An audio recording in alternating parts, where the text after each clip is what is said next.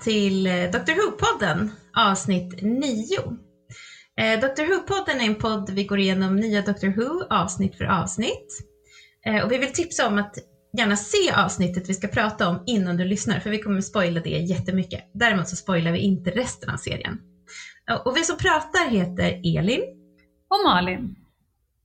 Ja. Och intromusiken är gjord av Allan Näslund.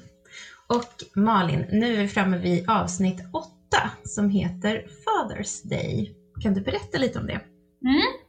Eh, I det här avsnittet så åker Rose och doktorn till 1987 för att Rose ska få träffa sin avlidna pappa, Pete, som blev överkörd när hon var bara en bebis.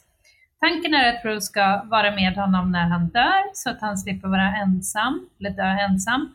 Men det slutar med att Rose istället räddar Pete, vilket leder till att en spricka i tiden uppstår när han inte dör och allt ställs på, fel, på spel. Kommer doktorn och mänskligheten överleva? Mm. Var det en okej sammanfattning? sammanfattning? Ja, väldigt ja, snabbt verkligen. gick det där, men det är ju, ja. Som vanligt står mänsklighetens överlevnad på spel. Ja, och även doktorns i, i detta, i mm. detta avsnitt. Mm. Vad kände du inför det här avsnittet när du såg det? Um, det är ju bara tredje gången jag ser det nu. Uh, och ja, det här är ju ett av de starkaste avsnitten i säsong ett, skulle jag säga. Uh, det är ganska... De, det är ju väldigt mycket känslor i förgrunden och relationer. Och det tar ju sin utgångspunkt i liksom att Rose har en bild av en pappa som visar sig eh, sen inte stämma så bra med verkligheten. Så att hon har gått och liksom saknat sin pappa i hela sitt liv eh, och sen när hon äntligen får träffa honom så, så kanske den bilden av honom krasar lite, eller kraschar. Mm. Och det är ju ganska smärtsamt för henne. Så det är mycket känslor här. Vad mm. känner du? Ja, Alltså, jag har liksom ett minne av att när jag såg den första gången så blev jag inte så berörd. Eh, mm. och det kan jag inte förstå. För att när jag såg den då för första gången, eller för andra gången då, eh, igår, eh, så grät jag jättemycket. Mm. jag skickade en bild på dig, ja. eller till dig, på mig när jag satt och så storgrät. Jag tyckte det så, eh, jag blev så förvånad själv. Ja. Eh, och sen så när jag såg den igen idag, så för att ta anteckningar då, så grät jag igen. Eh, det kanske är för att jag har PMS, men det känns som att det är ett otroligt så här, ja men det är ett väldigt emotionellt avsnitt, men eh, det är ju otroligt bra, alltså det är så bra kemi mellan skådespelarna. Och Rose, eh, Billy Piper spelar ju jätte, jättebra och även han som spelar hennes pappa eh, är ju också jättebra på att förmedla den här, liksom det som händer i honom när han upptäcker ja, det, vi ska ju komma till det sen, men ja, det är ett väldigt, väldigt eh, starkt avsnitt. Och jag känner, men jag tror att det är de här drakarna som kommer som gör att det liksom drar ner avsnittet lite. För annars så tror jag att det här skulle kunna räknas som ett av de här riktigt bra eh, avsnitten som sticker ut som man, ja, de här ja. legendariska Dr Who-avsnitten. Ja, fast jag tror nästan att det gör det lite också. Alltså jag håller verkligen med om att de här drakarna, eller drakliknande grejerna, varelserna, inte liksom, de är inte så bra gjorda. Det är inte så jätteimponerande eh, specialeffekter i det här avsnittet, trots att de tydligen la ganska mycket pengar och tid på det när de gjorde avsnittet. Det är lite svårt att förstå när man ser det så här, men det kanske var så 2005. Det var svårt att göra animerande mm.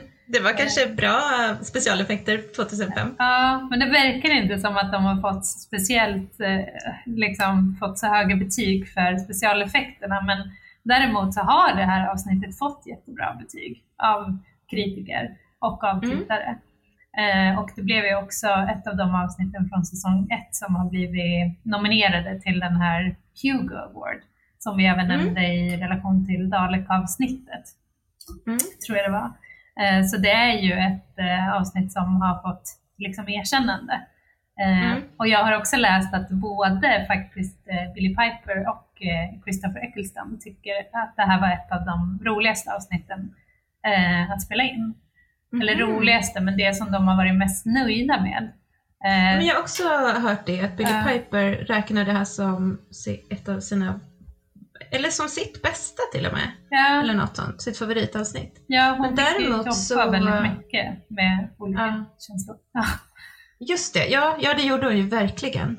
Hade du någon mer in, alltså, Ja, alltså jag hörde eh, i en podd som jag lyssnade att Christopher Eccleston har sagt i någon intervju att han eh, strax innan det här avsnittet spelas in så har han umgåtts jättemycket med sin egen pappa som har Alzheimers. Eh, Så för honom så var det här eh, ett ganska känslomässigt avsnitt på det sättet att han fick liksom möta de här, den här känslan av att ha en pappa som håller på att försvinna från en eh, fick han Mm. liksom hantera när han spelade in avsnittet på ett eh, liksom bra sätt. Just det. Jag hörde i en podd som jag lyssnade på för research att eh, det här var, eller runt omkring den här tiden så bestämde han sig för att sluta. Mhm. Att det var då han bestämde sig för att han skulle hoppa av och att det bara skulle bli en säsong med honom som doktor. Ehm, men jag tror också att han mådde ganska dåligt, alltså fick jag för mig då. Eh, och också att han kämpade med anorexia. Mhm. Eh, och jag tror att det här avsnittet spelades in samtidigt som, som Dalek. Okej. Där han också är eh, utan tröja. Ja, det tydligen var, var väldigt jobbigt för honom då. Okej. med hans problem. Och det fick mig, när jag hörde det så, ja, då fick jag verkligen en, ja, det är klart man får ju starka känslor för honom också. Eh, och han gör ju ett fantastiskt jobb liksom. Alltså, han visar också väldigt mycket känslor och alltså bara genom, utan att röra en min nästan, så, så visar han saker som pågår där på insidan. Mm. Det, det tycker jag faktiskt är genomgående för, i alla fall för eh, Rose och doktorn, men även som, Mm. som du redan har varit inne på, eh, Rose pappa, Pete Taylor. Mm. Som också spelas då, ska vi kanske säga så här inledningsvis, han spelas av en person som heter ehm, Sean Dingwall. Eh, Mm. som, som jag förstår det så är det en ganska känd skådis i Storbritannien. Han har varit med i mycket liksom, tv-serier och en del filmer också. Men det är ingen jag känner igen eller har sett i något annat. Så för mig är han en ny skådespelare. Mm. Eh, Men det som är, är ganska intressant där är att egentligen så var den här rollen tänkt att spelas av Simon Pegg. Som vi Ja. träffade i förra avsnittet. Mm.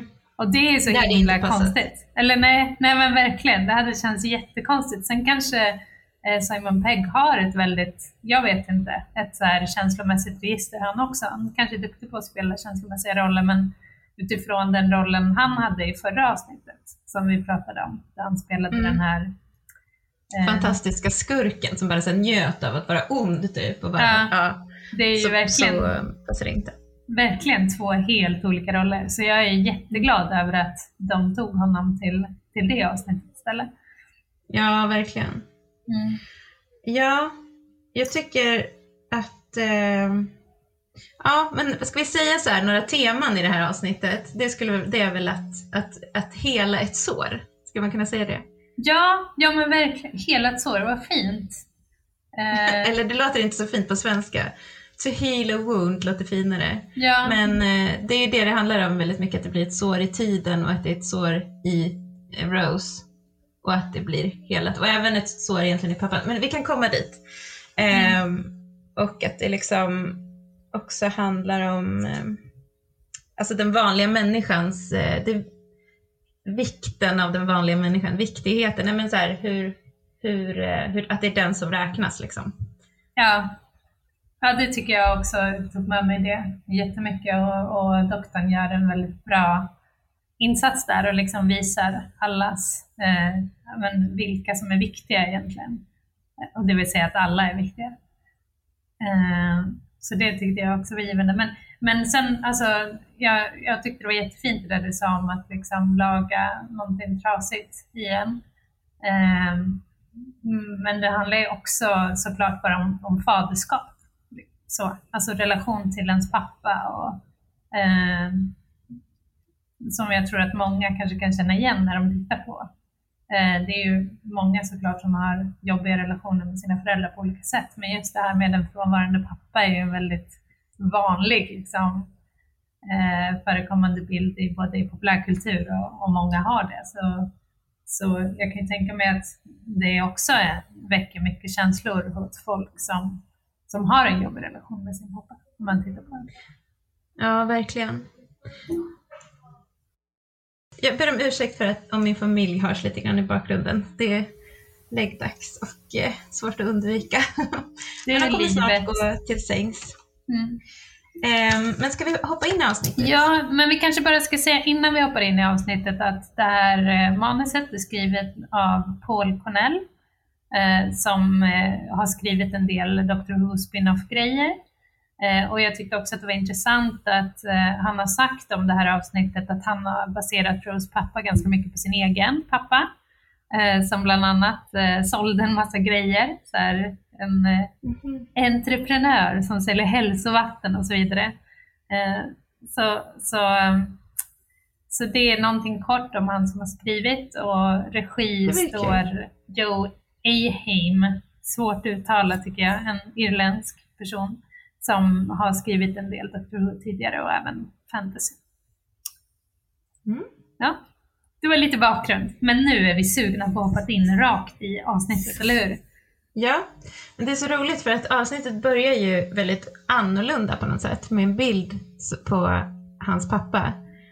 Inte hans pappa, en bild på Rose pappa som ser ganska alltså, ond ut. Alltså det är nästan som man tror att det är en, en eh, brottsling, eller som en ond person som ska eh, göra inträde. Tänker jag i alla fall, alltså när man Aha. såg den här avsnittsbilden. Eh, han ser i alla fall, han liksom ler in i kameran. Men jag, jag, jag tyckte inte att han såg så sympatisk ut på den bilden. Men det börjar ju direkt med den här musiken och den här berättelsen. Att man Mm. hör Jackies röst berätta om vem han var. Eller är det Rose röst i början? Allra? Ja, jag tror hon säger liksom eh, det här är min pappa Pete Taylor, född det här datumet, 1954. Eh, och, eh, eh, ja, och sen så går det över till...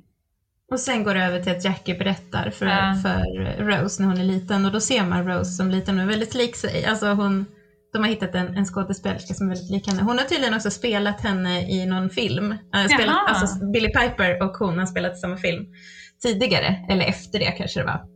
Mm. Så äh, den här likheten har fix, ja, det, det var verkligen en riktig likhet. Liksom.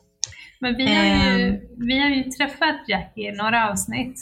Eh, Mm. Tycker du, känner du liksom igen henne från när hon gör den här, den här berättelsen? De sitter och bläddrar i fotoalbum tillsammans och Jackie berättar om eh, Rose pappa. Och, Mm, det tycker jag. Alltså jag tänker, ja, men jag tycker att det är typ ganska typiskt Jackie att hon, eller det passar in i min bild av Jackie att hon är ganska sentimental. Alltså det är ju naturligtvis inte konstigt att man har eh, känslor, men att hon, det känns ganska typiskt henne att hon skulle romantisera, att hon skulle vara sådär, ehm, åh oh, din pappa han var den bästa som någonsin har funnits. Vad tycker du? Nej men jag tänker att det, det nästan skulle varit lika liksom i linje med hennes karaktär att bara säga och vara såhär, nej men din pappa han var en skitstövel, det är lika bra att han dog, så här, du, du klarar det bättre utan honom Rose. Det hade inte heller varit liksom off character tycker jag. Nej, kanske inte. Men jag tänker att det är ju ändå den här... eh, alltså Hon är ju en väldigt snäll person. Hon vill ju verkligen så här, sin dotter det allra bästa och hon vill liksom ge det här till sin dotter på något sätt. Mm. Eh, att hon har haft, att hennes pappa var en speciell person. Så hon vill ju ge ett fint minne av pappan till henne, tänker jag. Ja det är jättefint, alltså verkligen. Är, Samtidigt som hon, som hon är väldigt inne i sin egen värld, hon berättar ju också någonting ganska hemskt för sitt lilla, lilla barn. Att det var en smitningsolycka, han var alldeles ensam när han dog. mm. Det kanske är detaljer som inte jättelilla Rose hade behövt höra. Nej, verkligen inte. Och det har ju verkligen satt sina spår också i Rose, för att hon, det är ju det hon går och grubblar på. Liksom. Mm. Hur var min pappa? Vem var han? Hur har det varit? Och liksom, hur hade det varit om han hade levt? Vilken typ av barndom hade jag haft då? Ehm, så ja, hon lyssnar ju. Det syns ju på den här skådespelaren också. Det, är liksom, det är stora ögon och eh, allvar. Så. Men hon berättar ju också så här, hon säger så här, det var på mm, det här bröllopet Stuart, Stuarts och Sarahs bröllop som han, eller innan det som han dog. Mm. Eh, så man sätter liksom en plats, man vet att det är ett bröllop och, eh, och så säger, han säger också så här, hon säger också att han hade mycket äventyr. Adventures liksom. Och det kan ju vara ett dubbeltydigt ord. Det kan ju vara att ha äventyr på engelska kan ju verkligen betyda att man har affärer. Eh, Ja, just det. Eller hur? Just det, det tänkte inte jag på. Men Så, ja, hon det- kanske har anpassat liksom, det hon egentligen tycker om honom. Eh, för det måste ju också vara, alltså det är väl det man känner att när hon berättar den här berättelsen för Rose, då skriver ju hon också om för sig själv kanske det mm. äktenskapet exakt. de hade, såklart. Men det tror jag också. Det är väl så man gör egentligen med minnen. Att man försöker Ja, man försöker liksom leva med dem och man försöker göra en, ja men man försöker skapa en berättelse som man kan leva med. Mm. Men den är i och för sig väldigt hemsk då, den här berättelsen att han dog alldeles ensam. Kan det ha någonting att göra med att hon också är lite arg på honom så att hon, åter, hon återkommer till det här att han dog ensam för att hon också var lite arg på honom? Nej. Ja, men kanske. Alltså, han var ju för, han, han dog ju för att han, eller det var ju inte för att han var sen, men han skulle köpa liksom, jag tänker mig att det var så här, men har du inte köpt en present till det här bröllopsparet ännu? Du skulle ju gjort det för så och så länge sedan och nu måste du iväg på bröllopsdagen och köpa det och liksom att hon var ganska arg på honom. Och sen Ja. kanske också liksom på något sätt kanske tycker att ja, det är väl klart att du blev påkörd på väg hem när vi var stressade. Liksom. Ja, precis. Ja. Så, Att det skulle gå att bli dödad på det där sättet, gå att bli överkörd på det där ja, sättet. det är i linje med personligheten. Nej, nu överdriver jag lite känner jag. Så här går händelserna i förväg. Vi kanske ska ta oss vidare till nästa scen helt enkelt. Ja men precis, för att det här övergår ju väldigt snabbt till att, att vi ser Rose i, och doktorn i Tardisen och Rose, man förstår att Rose berättar det här för, för doktorn, Mm. hur hennes pappa dog och frågar om, om hon kan få åka tillbaka och se honom. Ehm, och doktorn är ju tveksam och Rose känner att, man känner att hon har säkert byggt upp för att fråga om det här, hon kanske har tänkt på det väldigt länge. Mm. Eh, och hon, hon säger nästan direkt så här: okej okej, om det inte går, jag förstår om det, inte, om det är så här, bryter några regler eller så. Hon är ju inne på någonting ganska viktigt där egentligen. Men han är ju eh, ganska, jag blev förvånad över att han, var så, att han så lättvindigt sa att absolut, det kan vi göra. Ja, men det känns ju också... Alltså man blir lite så här... På ett sätt så känns det som...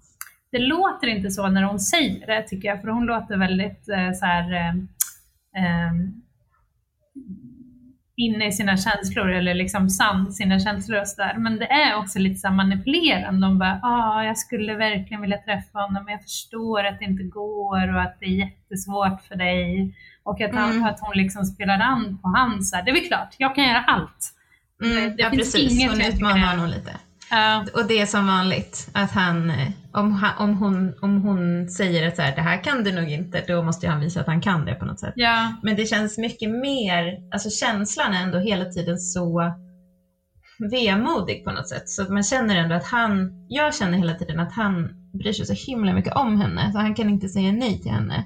Han vill ge henne det här. mm. Men samtidigt, de mm. fast jag tycker ju, det måste jag ju säga, att egentligen så, det är ju bara, egentligen är det här en jättekonstig premiss för avsnittet. Alltså man ska ju inte åka och träffa sig själv. Det är ju en sån grundregel i så här tidsresor. Att doktorn går med på det, det är egentligen bara Men det var ju inte sig själv hon skulle träffa, det var ju bara sin pappa. Ja, famous last words. Eller liksom, det, Ja. det är klart att, att om man åker och håller på med sin egen tidslinje eh, så kommer det sluta dåligt. Och det gör det ju också. Så att, Ja, eh, men han blir ju manipulerad till det av henne. Omedvetet eller inte. De åker ju först till Jackies och Petes eh, bröllop. Och eh, där får man ju då ganska snabbt en, en känsla av att oj, det här kommer bli en besvikelse. För att Rose säger, jag trodde den skulle vara längre. Och Ja. eh, eh, man ser också hur Pete glömmer bort Jackies mellannamn. Mm. Och Jackie är lite så här, hon är inte, det är inte första gången, är, hon är inte förvånad, men hon tycker liksom att okej då, ja ja, jag, jag får bara ta det liksom. Ja, det är som det är.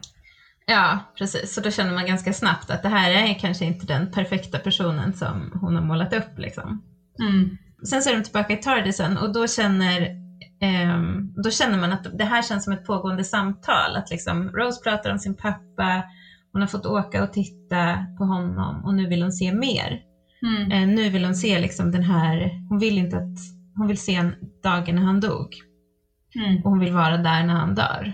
Mm. Eh, och, och han klarar liksom inte att säga nej till henne. Så eh, Nej, och det kanske i och för sig hänger ihop lite med hur han ser att Rose blev ganska besviken där i kyrkan. Att det redan är en så här, aha, var det här min pappa? Eh, Mm. Att det har sått det där fröet av liksom, det kanske inte riktigt var som mamma har berättat. mm, Som gör att han går med på det. ja, precis. För att ge henne en sista ja, present liksom. Mm. Ehm, och sen så, ja, så de går ut i den här 80-talsvärlden och här tycker jag att de ehm, det känns som att hela avsnittet känns som, alltså, har, de har gjort hela avsnittet i lite 80-talsstil. Mm. Eller som serier såg ut på 80-talet. Mm. Eh, det är lite så här urblick, lite, det känns lite tv-serie från 80-talet. Det ser ganska fult ut på något sätt. Ja, det är roligt att det stod, för den, den, det här avsnittet är inspelat i Cardiff såklart. Och det stod typ Såklart. jag läste på om det att så här, de behövde inte göra särskilt mycket. Eh, Cardiff såg ut sådär så här dystert, regnigt. Eh, Tydligen var doktorn också, eller doktorn, inte doktorn, men Christopher Eccleston var också förkyld under hela det här avsnittet. Så det är lite så här, det här är Cardiff, det är så här regnigt, dystert, 80-tal. Ja. Det regnade ju även när vi var i Cardiff så det stämmer. Ja, precis. Ehm, och så, så är det någon låt som spelas också när de kommer ut som he- heter typ så här. Nev- eh, den heter någonting med att Never gonna say goodbye eller någonting sånt där. Eh, the communards, the co- commonards, never can say goodbye. Never can say goodbye. Konstigt. Men Ja, Det det är är ju tydligen ett- en cover. Ja. ja, ja, men det är ju som en sån här liten pekpinne till vad som ska hända. Verkligen. Men det är också att man ska känna att det är 80-tal. Lite 80-talsmusik i luften liksom. Det är Mm. lite affischer på väggarna och så går de runt det där tegelhörnet, Mm. ett, ett tegelhushörn och så, ja. Och Rose säger ju också så här, jag trodde att det skulle vara en mörk och stormig dag, att det skulle vara lite mer dramatiskt och det kan man ju också känna att så här, det är väldigt, väldigt odramatiskt. Det är typ inga, knappt några ljudeffekter Mm. när, de, när han blir påkörd, eller det kanske Mm. det är. Men det känns i alla fall inte dramatiskt Nej. riktigt, Men det är väldigt också just att hon säger sådär för att det är bara en vanlig dag. Jag trodde att det skulle kännas annorlunda. Förstår man ju hur mycket hon också har gått och tänkt på den här dagen. Att Mm. det, det, och det ser man ju på hela hennes kroppsspråk också, Rose. Mm. Och mycket i det här avsnittet är ju så här, alltså hon, hon är verkligen Hon gör ju allt. Hon lyser ju verkligen i det här lite gråa runt omkring. Ja, verkligen. kan man säga. Ja. Men det är också det här the ordinary, att det är de, fruktan, de mest fruktansvärda händelser kan hända i, i the ordinary, eller liksom i den här vanliga vardagen. Ja, men precis.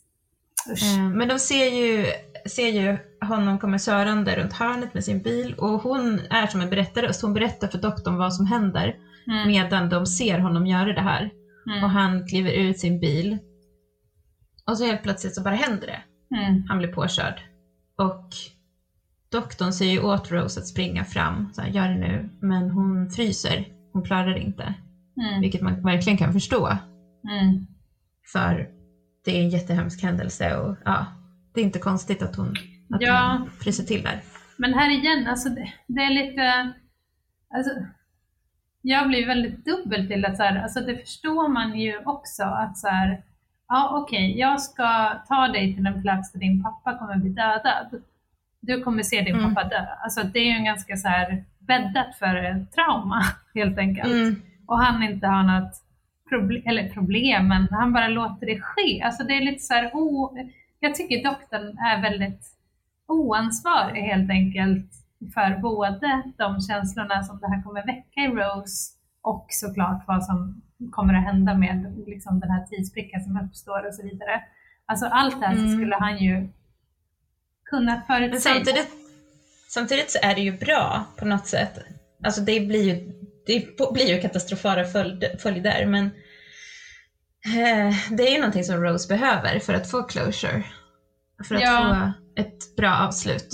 Eh, så att ja, jag kan inte riktigt se, eller jag, jag tycker nog inte att det är helt dumt. men däremot så är det väl det här, det som händer nu, att hon vill ha en ny chans Ja. och att han tillåter det.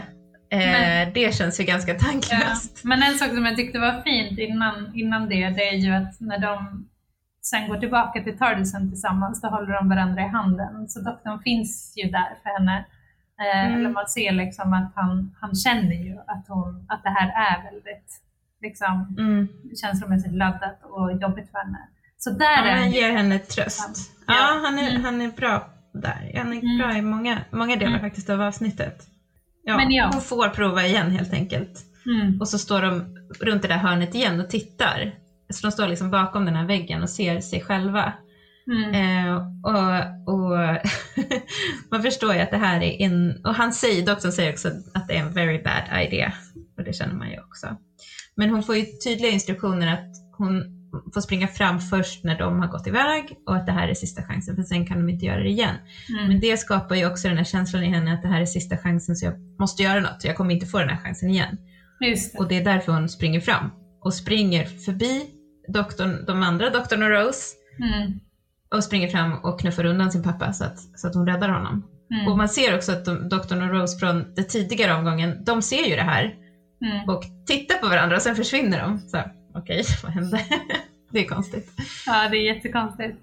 Eh, men man förstår ju när de försvinner att det här var inte bra. Nej, det här kommer skapa en, eh, en skada i tiden. Mm. Ehm, och så, ja, men hon räddar ju sin pappa i alla fall. Och ehm, Ja, hon men jag är ju väldigt det, chockad. Ja, jag tycker det är mycket här som blir så här också.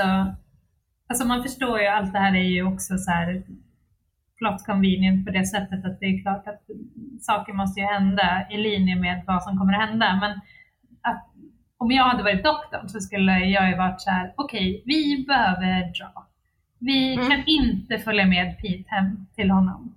Eh, vi bör nog inte gå på det här bröllopet. På det här liksom. bröllopet. ja. Ja, nej, men det är så många saker som man bara säger, men doktorn vad håller du på med? ja, varför låter han det? Men det känns som att han är så arg på henne. Och Ja. att han har den här misstanken som han sen liksom slungar ut mot henne, att hon har planerat det här hela tiden. Att först så ville hon inte följa med när han sa att det var en rymd eh, maskin. Mm. Eh, men sa, nej, mm, ja men Men det var ju bara- rymd först. Ja, just det. en Att man bara kunde resa i rymden, då var hon inte intresserad. Men när han berättade att man kunde resa i tiden, då blev hon intresserad och då blir han ju mis- han blir misstänksam att hon, hon har planerat det här hela tiden. Vilket Mm. inte jag tror att hon har, men däremot så har kanske tanken, alltså jag tror inte det var därför hon följde med, men däremot har väl tanken säkert kommit till henne mer och mer att hon ska kunna komma, ja, att hon ska få träffa sin pappa och inte alls att hon skulle rädda honom. Det tror jag inte. Nej, och jag tror också att det, det är liksom, det är väl klart att ju längre man reser i tid och rum, tänker jag, alltså eh, först så kanske det är just så här, ja men vi åker till 1800-talet, vi åker till framtiden, vi åker ut i rymden. Mm. Men det är väl klart att det pågår i ens huvud samtidigt så här, vad, vad, vad har hänt i mitt liv? Vad, Mm. vad har hänt i min familjs liv och så vidare. Det, det vore ju konstigt om man inte har de tankarna. Mm, Liksom. mm, precis.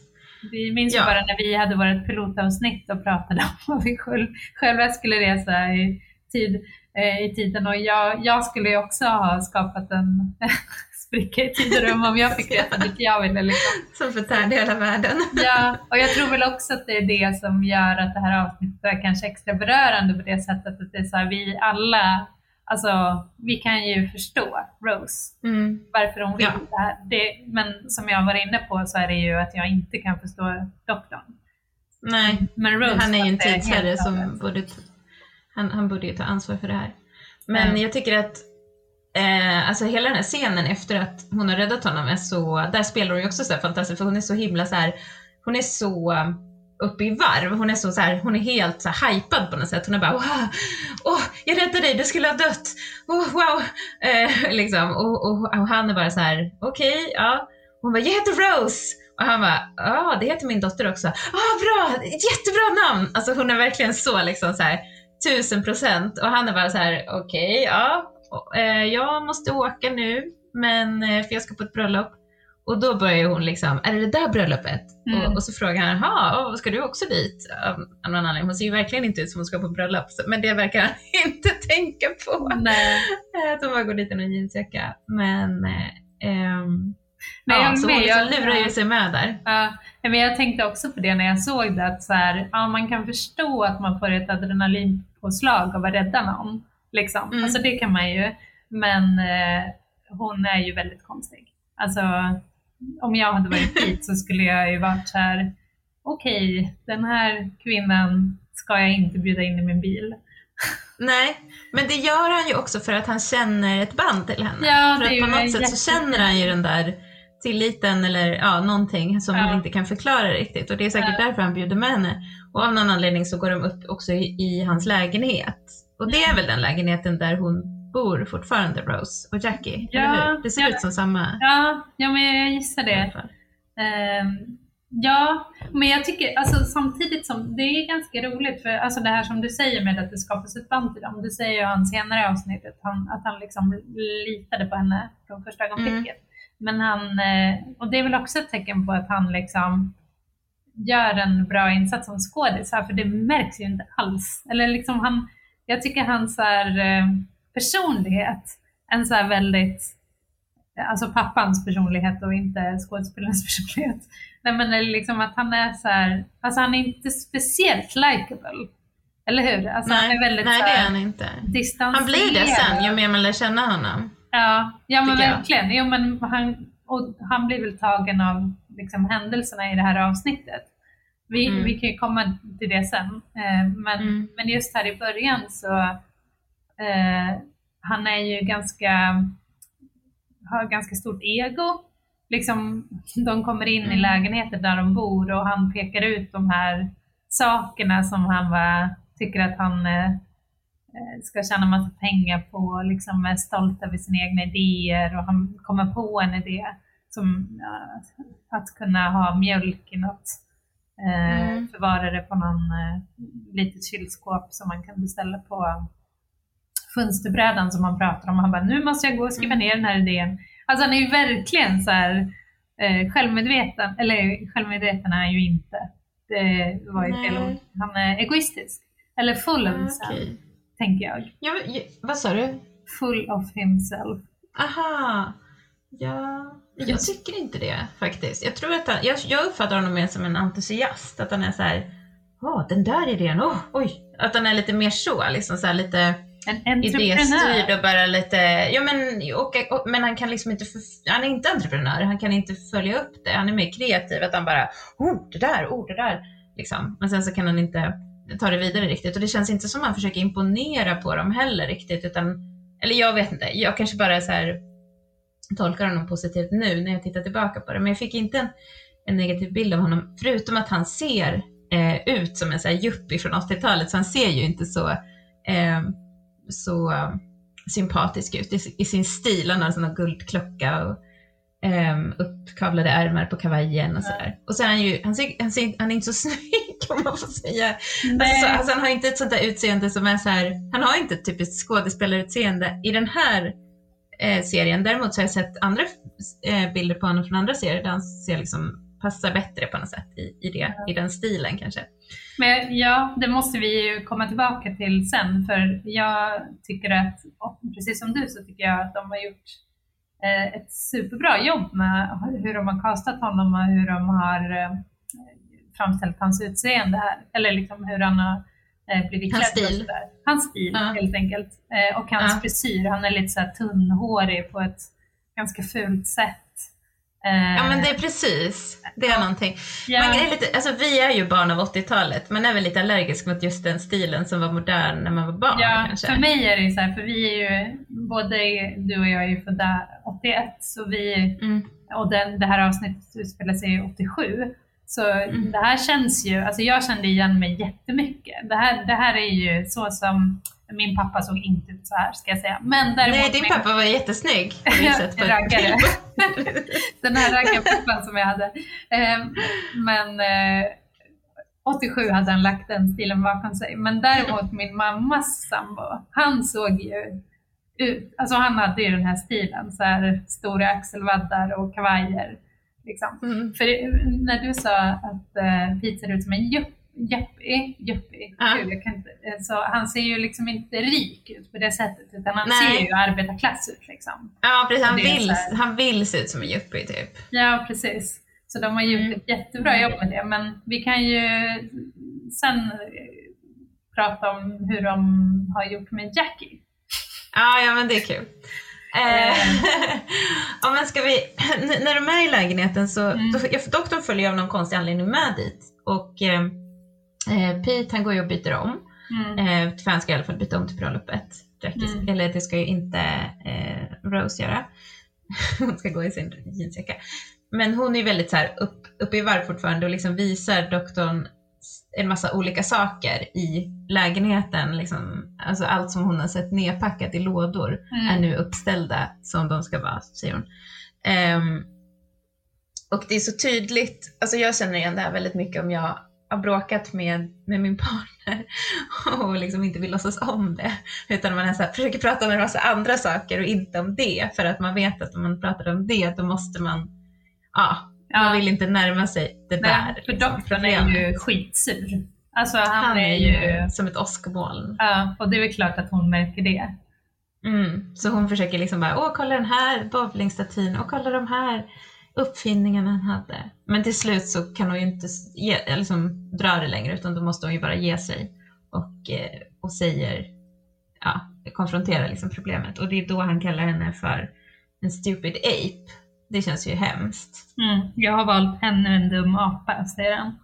Ja, och det är väl en callback till förra avsnittet när han kallade Adam för det.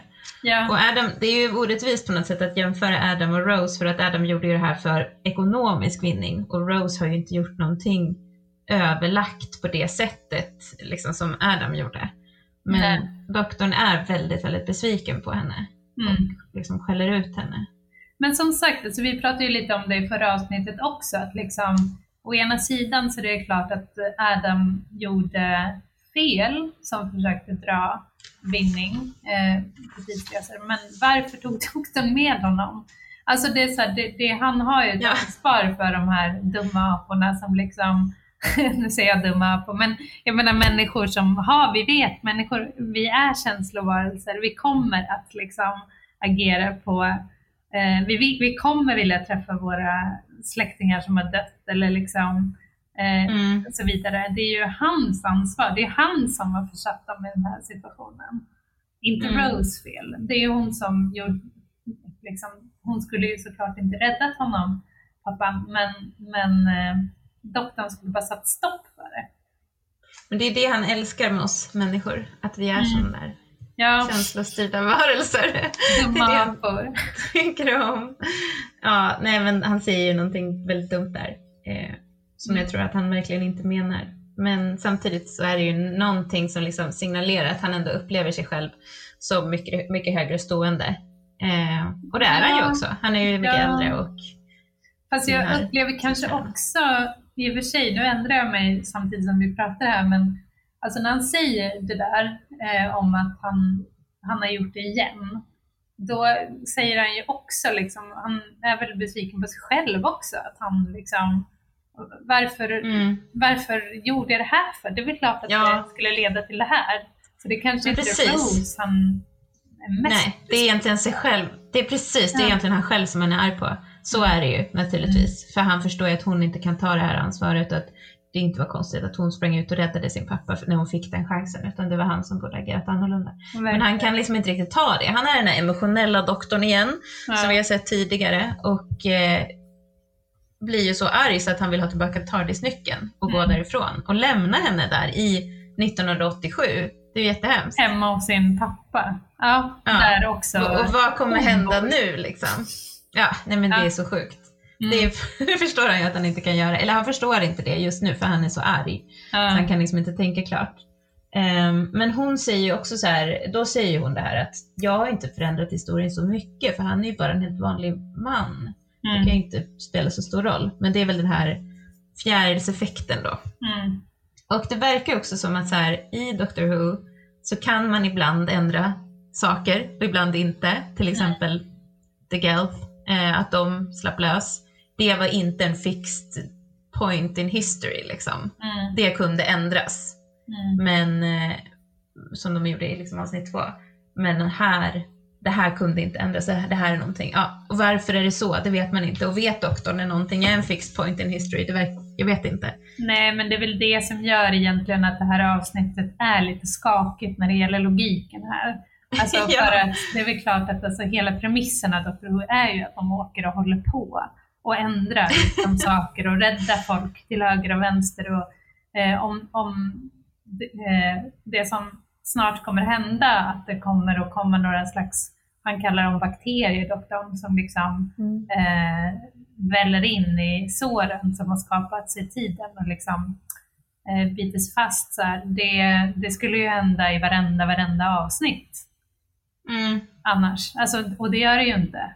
Eh, och de, de fattar väl det, att det liksom, för, för eh, att han säger också för just det här med, som du sa, att Rose säger det, men det här är ju bara en vanlig människa, så säger ju doktorn, ja men en vanlig man förändrar också världen. Alla människor Mm. liksom. Och det är ju det, alltså det finns ingen logik i det. För det, Nej, det, det händer i varje avsnitt det här. ja precis. Jag tänker också, en annan sak som jag tänkte på, inte första gången jag såg det, men andra gången, det var att om, om det nu hade fungerat, eh, att hon hade verkligen räddat honom då Mm. och då fått växa upp med honom, borde inte allting ha ändrats direkt för henne då? Alltså Ja. hela, hennes minnen borde ändrats, då borde hon ju minnas honom, att växa upp med honom. Ja, ja verkligen. Och Hela världen Eller ändrats också direkt. så här, alltså det, det, avsnittet, det avsnittet slutar med sen att eh, han dör i, eh, och Rose är med honom i dödsögonblicket. Det, det måste väl Rose ha berättat?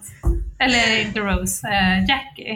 Att- Ja men det ser man ju i slutet Ja. att Jackie berättar för Rose och då Ja. så finns det ju inget längre incitament för Rose att åka dit Nej. tillbaka i tiden och rädda sin pappa. Nej. Eller, liksom, eller inte rädda honom men ja, och vara där. Så det där blir en konstig loop. Det tänkte jag komma till sen. Men Ja. verkligen, det där är, eh, ja, det är ett, eh, ett hål. Ja, men en annan sak här som jag tycker är ganska intressant också, för de är ju fortfarande kvar här i lägenheten och har det här bråket liksom. Eh, Mm. Doktorn är arg på Rose och Rose försöker få, få det till att doktorn är, liksom är avundsjuk på Rose. Ja. Eh, och det är också lite svårt så här, för Rose borde ju veta att det är inte det. Han är inte avundsjuk på att hon plötsligt har en pappa liksom.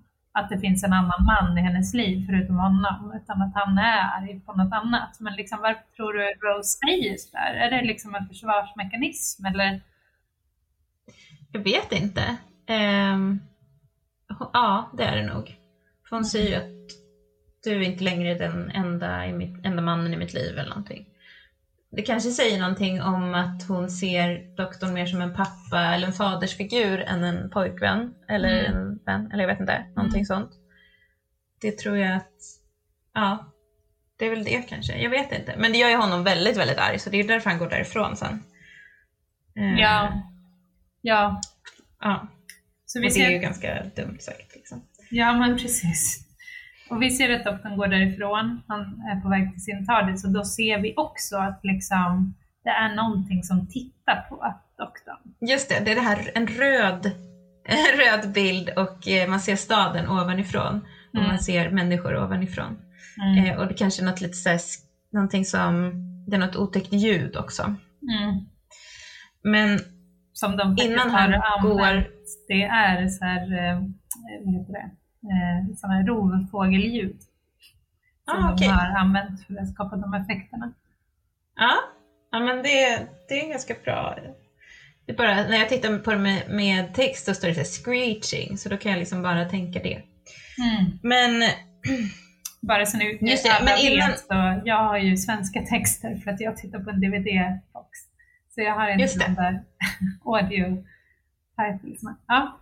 Nej. Eh, hon säger också innan, innan han går så säger hon också jag vet hur ledsen du är och du kommer snart komma tillbaka. Mm. På något sätt så säger hon att han inte kan leva utan henne eller för att han, han är för ledsen och han känner sig ensam. Han behöver henne. Mm. Och det är på något sätt, ja, jag vet inte, det kanske inte är fint men det är någonting. Hon ser honom också. Ja, men det är ju det Ehm. där dubbla, att, liksom, att hon säger någonting igen som kanske liksom är mera, hon säger det för sin skull snarare än honom, hans skull. Även om det Mm. finns en, en sanning i det. Ja. ja. Men vi ser ju också olika attacker här kanske. Är det här? Jag vet Ja, inte. ja. Eh, att det är flera olika personer som blir attackerade. Och då är det ju inte bara att de, utan de kommer ju, det, man ser liksom att någonting dyker ner på dem ovanifrån. Och sen så skriker de. Och så, och så Mm. ligger det bara kanske ett trädgårdsredskap kvar eller någonting. Mm. Och det är ju ganska läskigt när man inte ser själva drakarna. Innan man ser dem så känns det ganska, tycker jag att det är ganska bra. Ja, de kanske skulle bara liksom. struntat i drakarna. Ja, jag tror att i det första manuset eh, så var det så. Då skulle man inte få se monstren. Men det var väl fortfarande så att man förväntade sig monster och kanske blev för subtilt för barn. Mm. Liksom, utan de här monstren. För det hade ju varit mycket mer effektfullt som det är det här konstiga som kommer sen i, i den här lekparken. Ja. Där försvinner ju alla bara utan att man hör eller ser någonting och det är ju mycket, mycket läskigare. Jätte, Det är väldigt otäckt. Ja. Men det hänger ju inte ihop med resten alls eftersom de andra, där, där, de andra så är liksom drakarna kvar och liksom håller på och käkar och ah, låter jättemycket. Ja, det är väldigt märkligt. Jag läste också att de här, eh, de funderade också på att de, för de heter ju Reapers, de här drakarna. Eh, Ja. Som ska ju vara någon slags, eh, vad heter det? The Grim Reaper säger man ju på engelska, men det kanske inte finns något bra ord för det på svenska. Döden. men det är väl döden, eh, liemannen. Liemannen såklart. Eh, och att de funderade på att det skulle se ut som liemannen. Eh, Mm. Någonting som har liksom en sån här mantel och huva. Eh, så. Lite dementorer får jag i huvudet. Från, eh, Mm. Just det, om Harry de skulle komma flygande ja. Ja, men det hade ju kunnat vara coolt. Fast tydligen så skulle Också. de heller, alltså de verkligen höll på att fundera fram och tillbaka på hur de skulle se ut. För ibland var det så att de ska inte flyga, de ska flyga, de ska ha, ja, sen landade Mm. de i de här drakliknande grejerna. Som, som liknar Pokémons väldigt mycket tycker jag. Ja, just Eh, det. Ja, men det, jag tycker inte de är så fula egentligen. Alltså hade det varit lite bättre eh, liksom CGI eller vad det heter så skulle det kanske ha kunnat vara ganska snyggt. För de, de ser ganska bra och otäcka ut. På något. Mm. Eller inte otäcka, de är nästan lite söta. Men de har lite söta Pokémon-ansikten. Mm. Men eh, det är väl just, jag vet inte, det blir som för mycket i en sån här känslomässigt avsnitt. Mm. Eh, Ja, som sagt, de skulle bara låtit dem vara eh, Mm. osynliga. Men det man ser här också är ju att doktorn går till sin TARDIS och att den inte fungerar. Mm. Eller att den har blivit en helt vanlig polislåda. Polis. Ja. För han sätter in nyckeln i låset. Den funkar, nyckeln. Han öppnar det. Eh, och sen så är det bara en vanlig polisbox inuti. Ja. Det tycker jag var ganska coolt. Mm. Eh, en cool grej. Man Ja. bara, va? Hur kan det bli så? Och Fast han ser ju också så ut så. Alltså han ser jättechockad ut. Bra Mm. spelat av Christopher Eccleston. Ja, men det måste ju vara liksom den stora mardrömmen. Var är min TARDIS någonstans? Eh, och ja, de är verkligen fast där. Mm. Men när vi är tillbaka i, i lägenheten så har ju Rose börjat städa. Och det tänker jag är ett ganska typiskt tecken på att hon eh, liksom också haft lite så här mammarollen i förhållandet med, med Jackie. Absolut. Alltså hon har fått ta väldigt mycket ansvar Ja. i, i den relationen. Hon nämner ju också så här när Jackie har haft lite, eller har druckit lite grann, då börjar hon prata om eh, ja, pappan liksom. Ja, just det. Så det är återigen det här med, med Jackies alkoholproblem och, och det. Mm. Ehm, men, Och- men Pete, ja. Nej, kör du. Ja, men Pete blir ju, han tycker att hon ska, eller han blir lite chockad över att hon håller på och städar i hans hem. Hon Ja. skulle bara följa med honom. Ja, men han säger det om och också. följa med till var, varför städar du? Och hon skulle bara säga, åh det var bara en vana. Eh, Men han försöker också trösta henne för han tolkar det som att hon har bråkat med sin pojkvän liksom. Mm. Vilket jag också tycker är lite konstigt. Varför tolkar alla det som att det är hennes pojkvän när han är så pass mycket äldre? Det skulle ju också kunna vara hennes pappa Ja, verkligen. Eller, egentligen. Varför Ja. tror alla att det är pojkvän? ja. Eh, men säger också, han säger också så här, men eh, en pretty girl like you borde skulle inte ha något problem. Och det, to- jag tolkar inte det här som att han stöter på henne, men, men eh, Rose kanske inte heller tolkar det så, men hon känner ju så här att hon genast måste så markera och blockera och säga så här, alltså tänk inte ens den tanken liksom. Nej. Nej, men jag han tolkar säger så det. om jag skulle dejta dig så skulle jag bla bla bla. Ja. Liksom. Men jag tolkar inte heller som att han är flörtig på något sätt faktiskt. Alltså han säger det på ett... Nej. Alltså han är inte, tycker jag i alla fall här, som att det finns någon slags eh, sån laddning eller att han är någon så här person som stöter på unga tjejer eller så. här. Jag får inte alls den känslan av honom. Nej. Här. Nej. Nej men verkligen inte. Men eh, om det hade varit så, så hade vi ju kunnat här, eh, i så fall hade det blivit en liten, igen, tillbaka till framtiden-referens som vi hade även i förra avsnittet. Ja, Vilket får en att tänka på så här, hur sjukt det är egentligen i Tillbaka till framtiden att, eh, att, liksom, att mamman stöter på, på, på pojken, då, liksom, eller barnet, att det är liksom hela plotten. Att mamman blir kär i sitt barn som hon inte vet är hennes barn för de är lika gamla. Här hade det Ja. varit värre eftersom han är lite äldre än vad hon är. Ja. Eh, alltså så pass mycket äldre så att det inte känns helt fräscht. Eller han ser så pass mycket äldre ut i alla han fall. Han är är bara i 33 30-årsåldern. år. 33 år Ja, är jag han. Men vet du hur gammal Jack är i det här avsnittet? Hon, nej, Hon är 19. Alltså hon är lika gammal som Rose. Hon ska föreställa 19. Ja, det, och det är så här. Det ser hon inte ut att vara. Hon ser verkligen inte ut så. Alltså jag tycker det är en av de här, så, här, så himla rolig sak i det här avsnittet. Att liksom, att Pete han är 33, eh, hon Mm. är 19, det är ganska stor åldersskillnad mellan dem. Men han, Ja. ser ut, han ser ut som en pappa och hon ser ut som en mamma. Men det är lite så här, igen så här Harry Potter-grejen, andra Harry. Potter-referensen jag har, men i det här avsnittet, de har ju castat väldigt gamla föräldrar i Harry Potter till, trots att i boken så är de ju, de är ju, ja men de är typ 20 år äldre än sina barn helt enkelt. Ja, Precis som de ska vara här, men ja, det, det är dåligt gjort helt enkelt. Jag tycker, ja. alltså, alla men Jackie kan ju liksom tolkas som en ung mamma till Rose. Ja. Eh, till 19-åriga Rose. Men kanske inte då till baby, baby Rose. nej det såg hon ut som, de, de har helt enkelt inte jobbat så jättemycket med hennes ålder. Eh, Nej. Egentligen I kanske de borde ha dagens- tagit en annan skådespelare. Ja, men det hade, blivit, det hade inte funkat. Det hade inte funkat med alla de referenserna som är hela tiden. Ehm, det måste liksom vara hon, tycker jag. Men däremot, idag så hade de ju kunnat göra någonting så att de skulle se yngre ut i Mm. datorn. Liksom. Mm. Ja, vi får bara köpa det liksom. Mm. Ehm, men han säger ju att han tycker att hon känns bekant och han tycker också att hon är lite knäpp när hon, Mm. när hon blockerar honom. Eller liksom när hon är så markerar så tydligt att så här, det här är Bermuda-triangeln för dig, liksom. kom inte närmare. Ja. Och sen så är hon ändå så här, typ ta, ta mig i armen så går vi. Ja, han säger så här, du tycker inte det här ger lite konstiga signaler? Eller mixed, eh, mix- mixed signal säger han. Också på ett icke-flörtigt sätt liksom. Ja, Men, ja men det eh, tycker jag också faktiskt. Ja, Skönt mm. ändå, att de inte gick den vägen. De gör det så mycket bättre än Tillbaka till framtiden. Ja, det kan man i alla fall säga. Men i, i em, kyrkan så, vi får ju se kyrkan då, det här paret som ska gifta sig och då får vi se att det är väldigt många som saknas. Ja, Em, många har blivit offer för de här äckliga drakarna. Och, em, men vi får också veta att, den här, att eh, brudgummens far är emot bröllopet mm. och tycker att han kunde få ett bättre parti. Liksom. Men de ska gifta sig för att hon är gravid. Eh, och det känns ju också så här. Jag, den, jag förstår inte riktigt den sidoplotten riktigt. Nej, alltså jag tänker, det enda som jag liksom, att de speglar ju en till pappa, en till pappa liksom. Mm. Att, att det är en, papp, en, En dålig pappa. en typ av pappa också.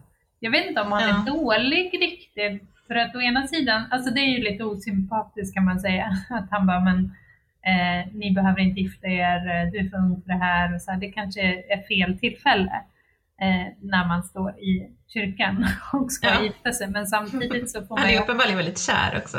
Ja men verkligen. Men man får väl, alltså jag får i alla fall intrycket av att den där pappan tycker om sin son. Ja, jo, han bryr sig väl om sin son. Det är väl därför han gör det på något sätt. Mm. Ehm, ja, men sen så åker Rose, Rose och eh, Pete åker ju bil då mot kyrkan. Mm. Och då spelas eh, och då, får ju, då spelas Never gonna give you up av Rick Astley. Och det här har ju blivit en fruktansvärd, det, ju, det där är ju en, en meme, eh, den här Aha. låten. Aha. Det här är ju en sån himla ja, supermeme. Och jag, det kan ju inte ha varit då, 2005. Eller 2006 eller vad det var. Alltså, för då fanns väl inte det. Det har vi pratat om förut. Ja, nej, Ja, precis. Ja. Men eh, ja, men det är ändå ganska kul. Men det, det är väl antagligen, ehm, det som det, det handlar om är väl egentligen så här att så här, jag kommer inte ge, upp dig i första taget. Precis. liksom. Det är återigen det här underliggande budskapet. Eh, Ja, och Rose får väl en lite annorlunda bild av sin pappa här i bilen när han berättar om sina olika idéer och uppfinningar men att de liksom inte leder någonstans. Eh, Mm. Hon förstår att han kanske inte är den här framgångsrika entreprenören som mm, Jackie har, har liksom utmålat honom som. mm, Eh, och då så förstår ju han också att hon känner Jackie, eller han säger så här, ah, du låter som min fru, är, ni- är ni släkt? mm, Och han skulle bara veta hur rätt han hade på något sätt. Då. Men hon säger att hon känner hon, äh, Jackie. Hon Mm. säger att hon känner Jackie och att så här, hon och, och han säger så här, ah, vad, har, vad hon sagt om mig då? Och tänker att det är någonting dåligt. Och så säger Rose så här, han, hon sa att hon hade gift sig med världens underbaraste man. Och det tror ju inte han på. Nej, Och det förstår man ju sen också när de träffas, att det är inte den typen av relation de har. Utan de har en relation där han hela tiden gör Jackie besviken och Jackie hela tiden håller på och, och eh, gnäller på honom. Ja, och, och liksom berättar hur besviken hon är Mm. på honom. mm. Ja. ja, men jag tycker det är bra att, liksom, att han fattar det där. Det är i alla fall någonting. Eh, Mm. att, att, Han kommer ju verkligen, han växer ju som person under de här timmarna ja, otroligt mycket. Ja, men jag, det är också, det spär ju på bilden av att hon framstår som en ganska galen person. För vem säger liksom så här, ja, ja Jackie har alltid sagt att du är en fantastisk person. Eh, liksom, Ja, det men överhuvudtaget verkligen. Det är sant, alltså vem är hon? Den här främmande unga kvinnan som så räddar honom och sen ska gå till samma bröllop som du. Ja, jag känner din fru. Och sen så städar hon hemma hos henne, eller honom. Och sen så är hon så här, nej, nej, nej, du får inte tänka på att dejta mig. Ja, det är väldigt mycket konstigt. Så här, vad tänker han om henne? ja men precis. Och samtidigt som man då, som vi får veta sen, har känslan av att han bara kan lita på henne. Alltså han, det Mm. måste pågå så mycket konstigt i hans, i hans huvud. Men i, bil, i bilen så är det ju inte bara Rick Astley som spelar, Nej, utan det precis. kommer även en, eh, i mitt tycke, mycket bra låt av The Streets. Mm. Precis. Ehm, också eh, låten Don't Mug Yourself. Eh, Precis. som, Och är det något slags svar här tror du på de andra låtarna? Typ Ja. så här, du kommer inte få behålla honom, lura inte dig själv liksom. Ja, ja, men det tror jag absolut. Jag tror inte det är bara en slump. Men det är Nej. också roligt. Eh, eller roligt, men eh, ja, det är roligt för att jag gillar The Streets. Eh, men eh, det är också illavarslande. För man fattar ju att det är något som är fel när det kommer en låt från 2005 på radion. Precis, och Rose säger också så här, den här har inte kommit ut än. Så hon, det, det är ett sätt att visa att tiden är ur led. Mm. Mm. Och, för att citera Shakespeare. Men eh, det är liksom också, och sen kommer också ett, eh, avs, eller ett meddelande Mm. som är Watson, eh, vad säger den för någonting? Watson come here, I need you. Mm. Återupprepas om och om igen. Mm. Vilket också känns så här. Okej, vi får veta sen. Doktorn säger att det är det första sam- telefonsamtalet som, ring, som gjordes Mm. och att det var av Alexander Bell. Mm. Men det har liksom, okej, men varför? Det kändes som att det skulle ha en, en betydelse. Ja, för för mig, jag tog ju inte den referensen kan jag säga.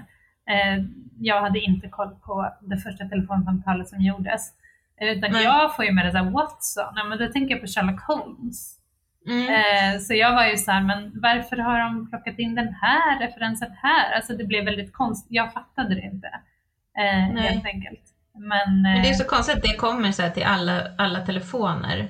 ja, Men det har liksom ingen betydelse förutom att visa att oj, oj, oj, nu håller tiden på att kollapsa. Nu kommer det låtar från 2005 och meddelanden från när det nu var. Alltså när telefonen uppfanns. mm, ja, sådana grejer. ja.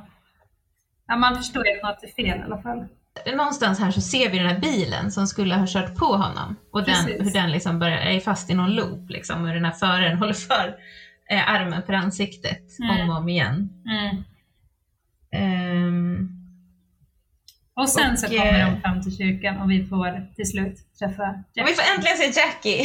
Mm. för bruden kommer ju fram, för Jackie och Baby Rose är ju i den här bilen som bruden Ja. kommer med. Ja. Så vi får först se bruden och så hennes tjejkompisar som är så här 80-talsstylade. Vad tycker du om stylingen här? Jag Och tycker vad de tycker du om stylingen av Jackie? Nej men nej, de är ju, alltså det är ju kul också eftersom det här var som, som vi sa så känner både du och jag kanske, vi kommer nästan ihåg mordet som var då. Det, alltså de här tjejerna, de ser ut som min mamma gjorde då jättemycket. Mm.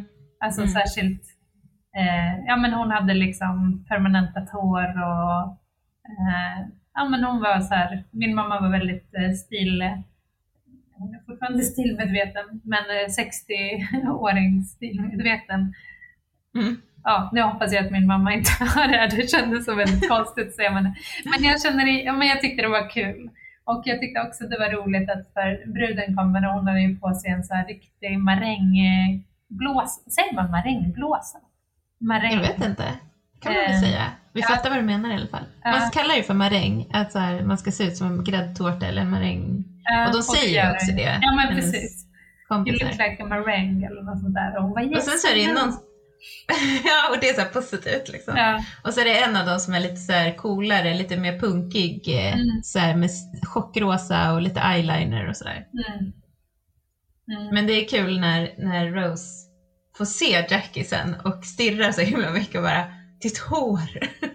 ja, och hon har reagerar mest över det. Jackie har en peruk på sig ty- tydligen, Mm. eller Camille Kuduri. Men igen gör hon ju det här roliga att hon bara med ditt hår, alltså beter sig verkligen som en så här väldigt En konstig person. Och sen bara, Ja. men vad är det med mitt hår? Du är jättefin. Du är verkligen Ja. jättefin. Ja, man skulle ju bli så... Man förstår ju verkligen att Jackie reagerar. Om hennes man också har haft affärer tidigare och så dyker han upp till bröllopet med en mycket yngre, väldigt snygg tjej som också stirrar på Jackie jättemycket och säger bara Mm. ditt hår. Men förstår hon är ju inte mycket yngre, de är ju lika gamla. Vi måste få det in Just det. att båda är 19. Det ser ju verkligen inte ut så, men det är så. Ja, väldigt konstigt. Mm. Ja, men Jackie är ju lite så att de har försökt styla henne med rosa och eh, gulligull. De har försökt göra henne yngre på det sättet. Och Ja. det blir ju nästan motsatt effekt. Ja, tycker jag, när man ser lite äldre ut och ska ha såna rosetter på sig typ. mm. ja det är lite ett konstigt. litet barn. Men hon är Ehm. bra tycker jag. Alltså hon, är, hon spelar ju verkligen sin, alltså att hon är så himla besviken på sin man och liksom börjar skrika på honom och liksom, Mm. vem är det här? Och, och till Rose säger hon bara, vad står du och glor på? Och liksom, Mm. alltså hon är verkligen så här. eh, Ja, men hon spelar sin roll väldigt bra tycker jag. Men det måste vara så hemskt för Rose som liksom får träffa då sin mamma. Alltså det är ju också lite känsligt eftersom hon nyligen har liksom varit borta från sin mamma ett år och utsatt henne för väldigt stor eh, smärta. Och sen så har hon åkt ifrån henne igen. Och så Mm. träffar hon henne i det här väldigt så här, känslomässiga läget och så skriker hennes mamma åt henne. Mm. Och man tänker, alltså jag tänker mig att Rose och Jackie har nog ett väldigt jag tror inte att deras förhållande har varit på det sättet. Jag tror inte Jack, Jackie kanske kan liksom så här, vara lite så här sur på henne eller liksom vara lite så här, åh du måste ta tag i det här. Men jag tror inte att hon liksom skulle, alltså det, det där liksom typen av så här ilska tror jag aldrig hon har fått. Alltså, Nej, hon kanske har sett henne vara arg på andra, tänker jag, men inte Mm. på henne. Nej precis, man känner att Jackie beskyddar nog Rose väldigt mycket liksom. Att det är Mm. så här min, hon är lite lejonmamma mot henne. Så det känns, det är nog jättehemskt henne. Men jag tänkte också på att hon reagerade sådär mycket på håret för att det är också typiskt barn att reagerar så himla mycket på när man ändrar sitt utseende som förälder. Mm. Eh, att de, de, de tycker oftast det är så här konstigt, eller jobbigt och obehagligt liksom. Mm. Eh, jag vet att när jag var liten så min mamma hade väldigt mörkt hår och så gjorde hon så här slingor som blev mycket ljushår, ljusare i håret och jag tyckte det var så himla himla jobbigt. Exakt detta har ju skett hemma hos oss nu. Att jag har alltid haft väldigt mörkt hår och nu har jag något blont hår helt plötsligt, lite oväntat. Fast eh, min dotter tyckte ju bara att det var äntligen så ser jag snygg ut i håret. Istället för, Ja, hon gillade det. ja, hon bara, ja men det ser bra ut, det ser bra ut. Bra att du har klippt dig. Ja, men vad bra. Ja. Att hon, hon var inte lika konservativ som Nej, många hon barn tog, kan hon vara. tog Liksom. emot den här förändringen med, med jämnmod och uppmuntrade den. Ja. Men det var en grej vi missade också, det var ju att när de kör in, när Rose och Pete kör in till eh, kyrkan så håller de ju på att krocka med den här bilen igen. Ja, Så det. Rose är ju nära att dö också, eller liksom stryker med där. Mm. kan man tänka. Men de, han svänger ju undan så här, så de, de klarar sig ju. Och då skriker hon också dad till honom och det hör han. Just Så det. det tar ju hon, han upp sen och säger så här, varför kallar du mig dad? Liksom. Ja, Eh, så det här är väl åter en till grej som sätter sig i hans här, minne eller när han försöker så här, förstå vad det är som händer med den här personen. ja. En sak också, ja, jag tyckte också att det var ganska intressant. Men eh, när, tillbaka till att de står och bråkar, eh, Jackie och Pete, är ju att eh, Jackie skriker liksom du är nolla, Rose behöver en riktig pappa. Mm. Eh, och det, är liksom, alltså det är ju väldigt hårda ord, alltså precis som Mm. du sa. Det, och just det här, och det är också i så skarp kontrast till vad Rose har sagt till, nej tvärtom vad Jackie har sagt till Rose om honom. Mm. Eh, ja, Ja, verkligen. Och, och Rose har ju liksom inte vuxit upp med sina med två föräldrar så hon har ju inte varit med om det här otroligt obehagliga som när ens föräldrar bråkar. mm, och säger ganska hårda grejer också. Ja, precis. Och man förstår ju att det är väldigt grundat för att de tar upp någon, ja, uppenbarligen så har han varit otrogen. Och Mm. Det känns ju ja, väldigt konstigt. Det blir en konstig dynamik liksom. För, för, jo, det blir också konstigt för att Rose blir också sur på Pete för att han har haft affärer. Och Ja. säger så här, va? Har du haft affärer? Och Jackie bara, men vad, lägger- vad bryr du dig om det? Vad har du med det att göra? Ja, det är många Vilket- nivåer. Man förstår ju att det förstärker ju känslan av att så här, de också har en affär. Liksom. Ja, Rose Ja. Och Jackie säger också bara Gillar du psykiskt störda tjejer nu? Är det din grej nu? det var väldigt roligt. Men samtidigt så är musiken väldigt ledsen. Alltså hade den inte varit det så hade det kunnat vara lite så här skojigt nästan.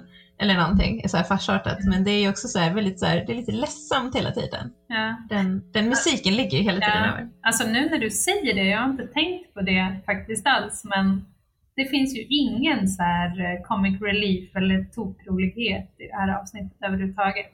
Och det Jo. uppskattar jag väldigt, väldigt mycket. Eller gör det Men det? jag tror att det gör det. Det är några tillfällen som jag i alla fall skrattade till ganska mycket. Nu ser jag chockad Mellan tårarna. ja, men vi får, vi får se. Jag kommer inte ihåg dem nu. Men det var några som jag skrattade åt. Aha, jag Mm. hoppas att vi kommer till det, för jag kommer inte... Ja, mm. Det kommer inte ihåg något kul. Men, Eh, eh, ja. men nu går vi ju istället, det, vi kommer inte till en tokrolig scen nu. Nej, Det, det är ju den här lekplatsen som du redan nämnde, där vi får Ett se... litet barn som gungar som vi sen får veta vi, är Mickey också. Ja. Ja. Hade inte, han ser ut att vara i kanske 5-6 år, 5-6 års åldern, barnet, eller hur? Mm. Jag trodde inte att han var så mycket äldre. Fast Nej visst är det så- konstigt, Ja. för man tänkte att de var lika gamla. Man hade liksom, det passade bättre in i den här bilden av den här liksom, att de har vuxit upp tillsammans, och det kan de ju göra ändå naturligtvis, men att det är det här lite high school sweetheart och liksom Ja, så. Ja, det känns lite fel att han är så pass mycket äldre tycker jag. ja. Men men, det, det är som det är. mm. Men det här, det här är en väldigt så effektiv, eller så effektfull menar jag, skräckscen egentligen. När folk, han ropar till någon kompis och så ser han att så här, det är ingen där och så tittar han åt andra hållet och så är barnen på den sidan borta. Och sen så helt plötsligt så försvinner hans mamma eller vad det är som står och, och Mm. gungar honom. Mm. det är ju jätte, jättehemskt och typ det värsta som kan hända för ett barn också, att alla försvinner oförklarligt. Det har ju använts i flera olika tv-serier, typ The Leftovers och Mm. jag jag har bara sett typ ett avsnitt av det, men det var väldigt otäckt. Mm. en bebis försvinner i, i baksidan på, på bilen. Ehm, och sådana saker. Ehm, så det, det, om de hade kört på den stilen och bara det här röda kanske ovanifrån, fast inte de där fåniga skriken som kom sen, så tror jag att det hade varit egentligen ett bättre avsnitt. Ja, verkligen. Eh, Eller det känns mer seriöst. Eller? ja. Jo, men jag, jag håller helt med. Där det känns här är- mer vuxet kanske. Det är Ja. väl det. Och det var väl kanske det de inte ville. Ja, men det är sant faktiskt. Men eh, jag vill bara säga någonting om eh, hans kläder. Ja, Mycket. De är konstiga. Väldigt, väldigt Varför? konstiga. Men han har på sig liksom någon slags nästan kostymaktig eh, liksom, lite Mm. jacka och byxor och sen en skjorta och sen någon typ av halsband som är uppknäppt i halsen. Alltså det ser så här jättekonstigt Ni måste googla det här om ni, ni som lyssnar. För alltså, ja, mycket speciellt. ja, jag förstår inte heller riktigt för att det är som att han är klädd för att han ska gå på det där bröllopet, Ja, vilket han inte ska. Nej, Eller han springer ju bara dit för att ta skydd. Ja, för de är ju ute och leker bara, han och hans Ja. mamma. Så, Kan han ha varit på en skola där de har skoluniform? Jag vet inte, det är väldigt o... Det är väldigt konstigt och det förklaras inte. Men, men Jackie säger ju, nej inte Jackie, Rose säger ju också sen att så här, jag kände inte igen honom i en kostym. Så Nej. det är ju en kostym. ja, det var konstigt. Ja. Eh, ja, men, jag tror att, ju- att han är uppklädd för bröllop. Men det är också ett så här plot hole egentligen. ja. Okej, de kanske tänkte så här, han ska gå på bröllopet. Mm. Eh, och så klädde de honom för det och sen så blev det så här, men vi tar den här scenen istället. Ja, han- det var en så här darling som de borde ha dödat. Känns det Ja. För att det skulle häng, hängt ihop bättre. Ehm, Ja. Men sen tillbaka vid eh, kyrkan så reder i alla fall Jackie och Pete ut saker så man känner ju att det finns en kärlek mellan dem. mm. Eh, och eh, Pete lovar ju också att han ska bli bättre, det har man ju hört förr. Men Jackie blir i alla fall tillfälligt lugnad av det. Mm. Och eh, han blir ju också det, det blir ju på något sätt sant.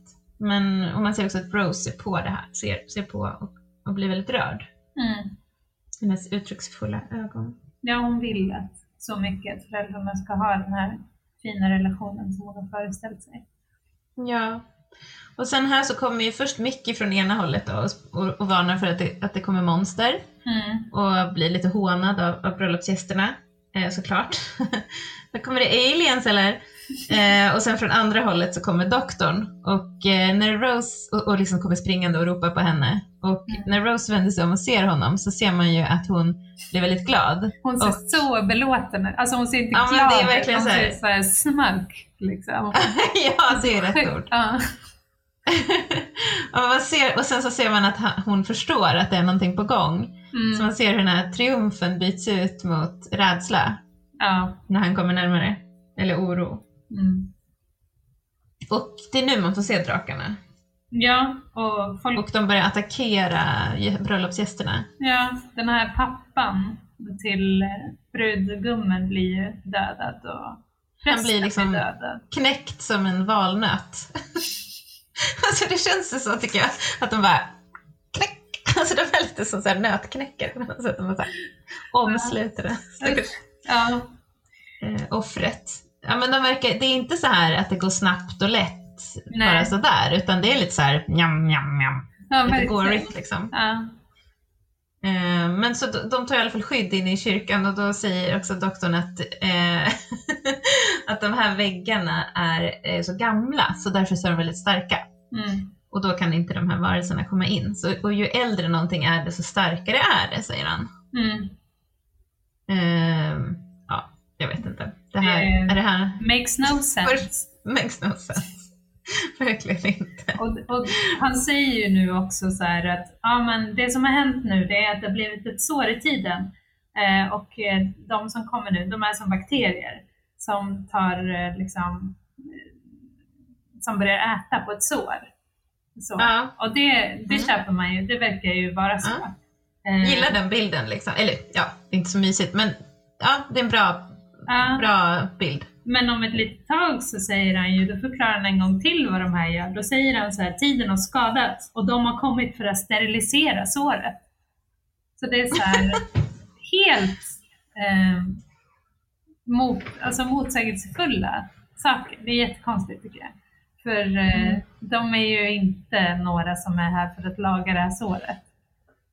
Nej, de ska ju också så här, verkar som att de ska döda hela mänskligheten.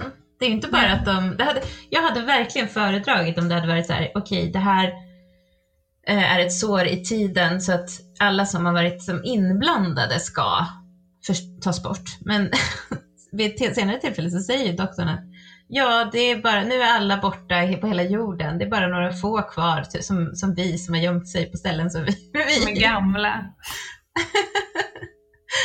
Ehm, ja, så det är ju väldigt konstigt. Ja men det hänger inte ihop. Alltså det gör Nej. inte det. Hur bra avsnittet än är så hänger det inte ihop. Man fattar inte vad som händer. Man förstår Ja, men det är som att avsnittet är väldigt bra kring det känslomässiga berättelsen kring Rose och hennes pappa, men just den här historien med, med bakterierna, de, den, den är inte bra alls. Nej. Och inte heller egentligen, alltså varför, varför håller bilen på och loopar? Vad är det som är förklaringen till det? Mm. Nej, det, det vet man inte. Nej, för den är ju kanske på. som en, eh, som en eh, någon som försöker sterilisera eh, Ja. det här, det här Ja. såret som har kommit upp. Men Precis. varför och hur, oklart. Väldigt oklart. Men doktorn säger någonting om att, han säger det senare, att det, det här egentligen inte ska hända för att, eller typ det tidsherrarna ska, hans folk ska ju Mm. komma och, och ta hand om sådana här situationer när det blir sådana här luckor i tiden som han har orsakat, som inte skulle kunna hända om inte han hade varit med och Mm. sett till det. Men att nu är det bara han kvar så att, och han kan bara ställa till problem tydligen. inte Precis, Fixa- han kan inte fixa dem. Nej. Nej, nu är vi väldigt hårda mot doktorn. Men, eh, men han försöker i alla fall så här, hitta på någon lösning. Han har inte Ja. kommit på än hur, vad han ska göra. Och Jackie blir ju i sitt, på sitt vanliga sätt ganska hetsig och går fram till honom och ifrågasätter så här, vad det är som händer och eh, ehm, undrar varför, ja, vad, vad, som, vad, han- vad, som, vad, vad han håller på med liksom. Mm. Och eh, doktorn är så, han, är ju, han har liksom inget tålamod kvar och han blir verkligen supertrött på henne och är så himla så här less på just henne också för att han har blivit ifrågasatt av henne förut. Så han liksom bara tappar tålamodet och skäller ut henne och säger åt henne att hon ska gå iväg och typ eh, se till att alla dörrar är stängda eller någonting. Mm. Och då gör hon det. Mm. Man får säga åt någon på skarpen så lyssnar den. Är det sensmoralen? det kanske är så. ja. Hon förstår att det är allvar i alla fall. ja. Och Rose börjar ju också fatta att det som händer runt henne just nu är hennes fel. Liksom. Mm. Precis. Ehm, man får se lite så här skräckfilmsscener där man ser liksom en övergiven bil, en cykel som där hjulet ligger och snurrar, en liten barnsko. Alltså det är ganska, ja, det är klassiska skräckfilmsscener. Man förstår att världen är ehm, utsatt. Mm. Eh, och doktorn och Pete ser ju också den här bilen köra runt Mm. eh, kyrkan. Och Pete frågar och, vad det är för någonting och doktorn säger att han ska strunta i det. Och här får han ju återigen, alltså här får ju Pete en till byggsten i vad han kommer att komma fram till sen. Mm. Alltså han, börjar ju förstå, han kanske börjar förstå men han vill ju inte förstå. Mm. Han känner ju igen bilen. Men igen liksom, fattar inte jag varför doktorn inte... Fattar inte doktorn det? Jo, Alltså- han gör ju det, men han, han vill ju inte att Rose ska förlora sin pappa. Men det är så Igen. Han vill ju försöka hitta, han vill ju försöka hitta en annan lösning som inte innebär att, eh, att Rose ska förlora sin pappa igen. Ja, men det är så himla irrationellt. Men han är ju väldigt nära en, en lösning sen. När, innan Rose sabbar igen. Vilket också är så här helt, fattar inte hur det ska vara en lösning. Men vi, vi kan vänta tills vi kommer dit. Ja. För nu har vi, det är en väldigt fin scen här där Rose Mm. och Pete är ensamma. Mm. Ehm, han söker ju upp henne för att prata med henne och han har ju börjat misstänka liksom att någonting, det är någonting. Mm. Han säger att han, han förstår inte, han känner att han litade på henne och han vet inte riktigt varför. Mm. Och hon tittar liksom på honom med de mest tårfyllda ögonen. Eh, och eh, det är så himla, ja, det är en väldigt stark scen liksom. Mm. Han har ju liksom, och här tycker jag att han verkligen visar att han är inte den där dumma liksom, idioten som, som har liksom framställts i början av det här avsnittet, utan han lägger ju ihop en massa saker och fattar vad som händer och förstår också vad, vad som är rätt sätt att reagera, liksom att, att han går fram och pratar med henne, med Rose. Mm. Och eh, ja, han säger liksom att hon har, säger han, du har mina ögon och Jackies attityd. Ja. Ja. och eh, han förstår inte hur det kan gå till, men och så stryker han henne över kinden och hon liksom tar tillbaka hans hand och håller fast den och det är så himla fint. ja, och sen också när hon får den här kramen här av Mm. honom. Och alltså man ser hur, ja men till slut så får Rose en kram av sin pappa. Mm. Och det, man ser det. Alltså, de är så bra. Både Mm. Pete och Rose, skådespelarna, gör en så här, man tror det. Att det är Mm. en pappa som kramar sin dotter. Ja, Och en väldigt liksom- välbehövlig kram också. Ja, men det är väldigt, det är väldigt starkt. Och jag tänker själv, liksom, om jag hade träffat något av mina barn som vuxen, om de helt plötsligt skulle ha kommit hit eh, i, i mitt liv, så skulle det ha varit jättestarkt. Liksom. Så att jag förstår, det är jättestarkt för Rose, det förstår man ju, men Mm. också för honom. Mm. Att träffa sin, också så, alltså det, han, han känner ju fortfarande inte sitt barn, för det är bara en bebis. Han vet inte alls hur de kommer att utvecklas. Nej. Ehm, och nu får hon liksom se sitt barn som är liksom stark och vacker och duktig, modig. Liksom, Ja, han vuxen. kanske liksom, alltså man får ju intrycket av att han har inte blivit pappa ännu. Alltså han har Nej, inte han har inte riktigt fattat vad det är att vara pappa. Och i det här, genom att träffa Rose nu, eh, alltså den 19-åriga Rose, så, så förstår han. Liksom Mm. börjar fatta så här, jaha, det är det här det är att vara pappa. Mm. Det är också, alltså, ja, växer så himla mycket i det avsnittet. Ja, verkligen. Och samtidigt så ser vi brudparet som frågar doktorn om hjälp. Eh, och frågar om de kommer klara sig ur det där. Och han, ehm, först är han lite tveksam, men sen vill han veta lite mer om dem. Han blir liksom intresserad av dem, så de får berätta hur de blev tillsammans. Och de berättar en ja, men så här, ganska vanlig historia om att de träffades efter puben och han, han skrev sitt nummer på hennes hand och Mm. ja, sådär. Och så, så var det. Mm. Eh, och det känns som att doktorn kanske längtar lite efter kärlek. Ja, eller ett vanligt liv bara. Ett så här, ja, Han, för han säger ju att så här, jag har varit med om så mycket men just det där, det där har jag aldrig varit med om. Och själv, liksom, han tycker att det är en så fin historia så han vill verkligen rädda dem. mm, ni är viktiga, säger han ju. Ja, Mm. precis. För de säger så här, vi vet att vi inte är viktiga och då säger han så här, vem har sagt att ni inte är viktiga? Och det är återigen det där, liksom, vem, det är ingen som kan säga vem som är viktig och vem som inte är viktig. Mm. Utan alla är viktiga. Mm. Ehm.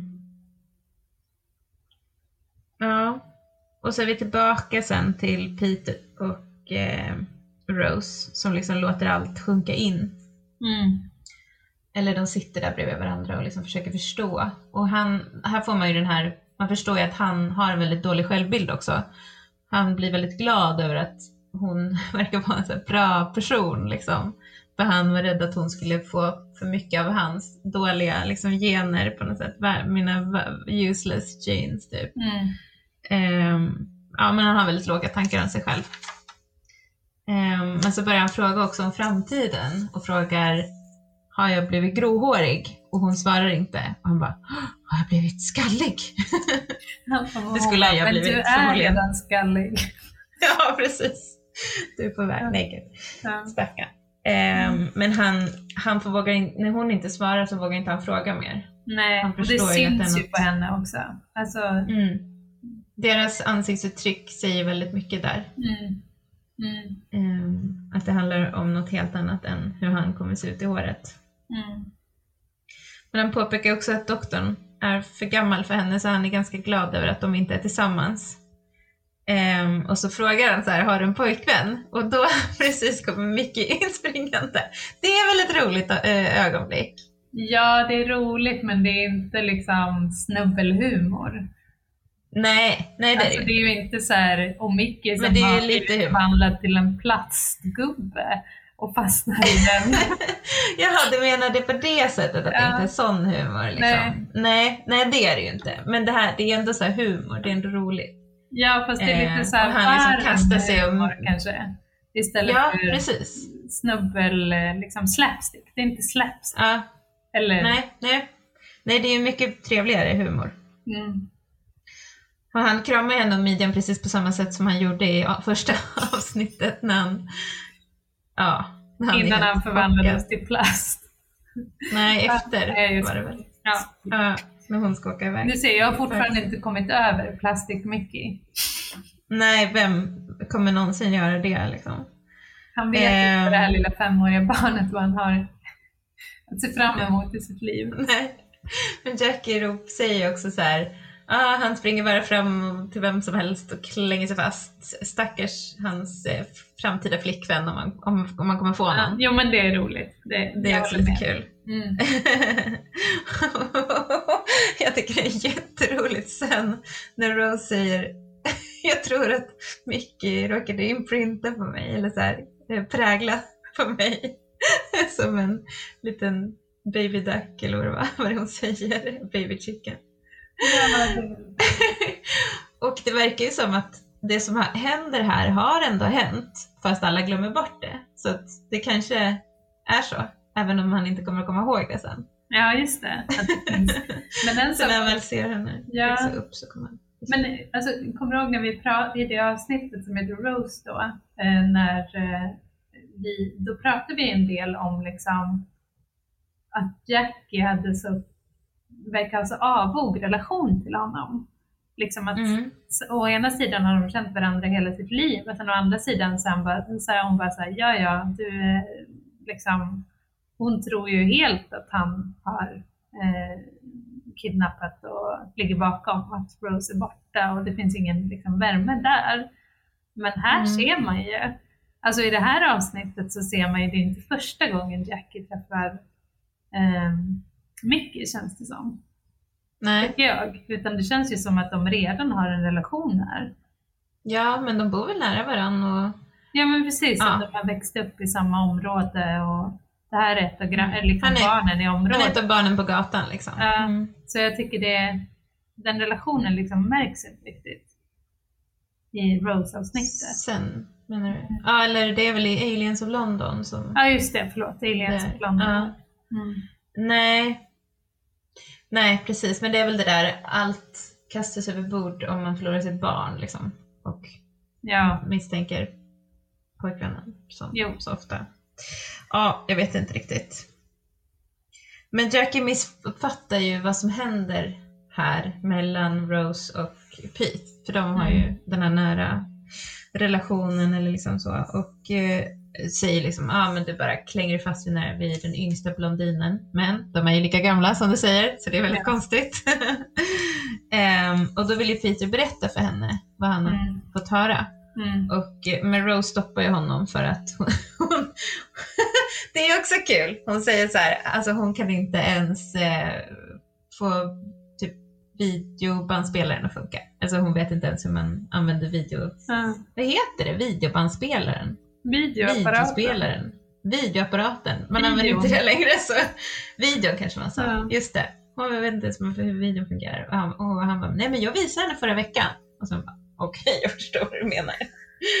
Det är också ganska kul. Ja, Fast jag tycker de underskattar Jackie för jag tror att hon visst skulle förstå. Det är väl en sak att fatta så hur tekniska saker funkar och en annan sak med den här emotionella intelligensen som de verkar ha mycket mer men jag tror också hon har den. verkligen.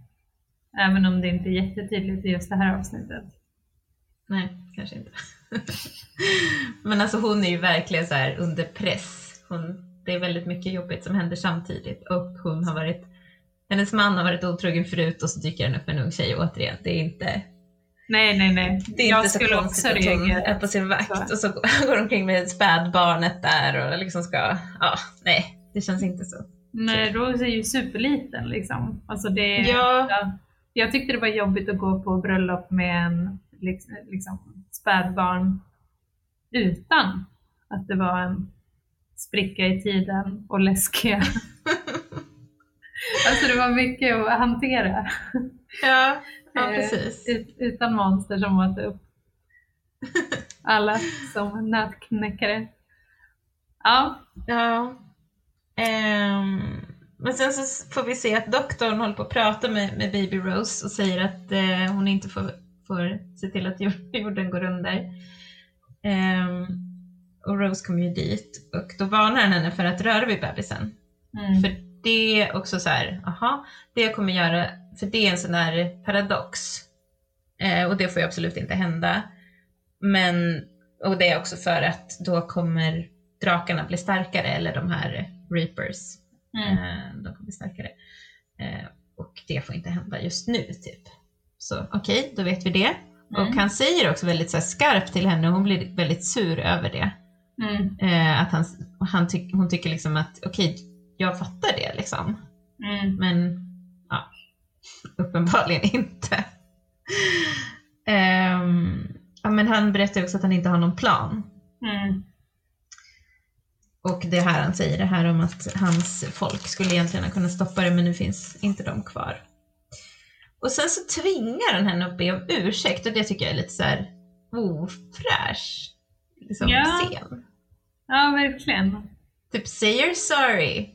Eh, och sen så när hon säger det då blir han så här glad. Liksom. Ja, Vad spelar det för roll? Då är han så att nu ska jag rädda världen. Det kunde jag inte göra innan. Nej, det doktorn. Vilken känslomässig så här, rollercoaster till man är. Ja, det är verkligen. Så mycket. Ja. Så mycket känslor. Han är så här, du svek mig, be om ursäkt.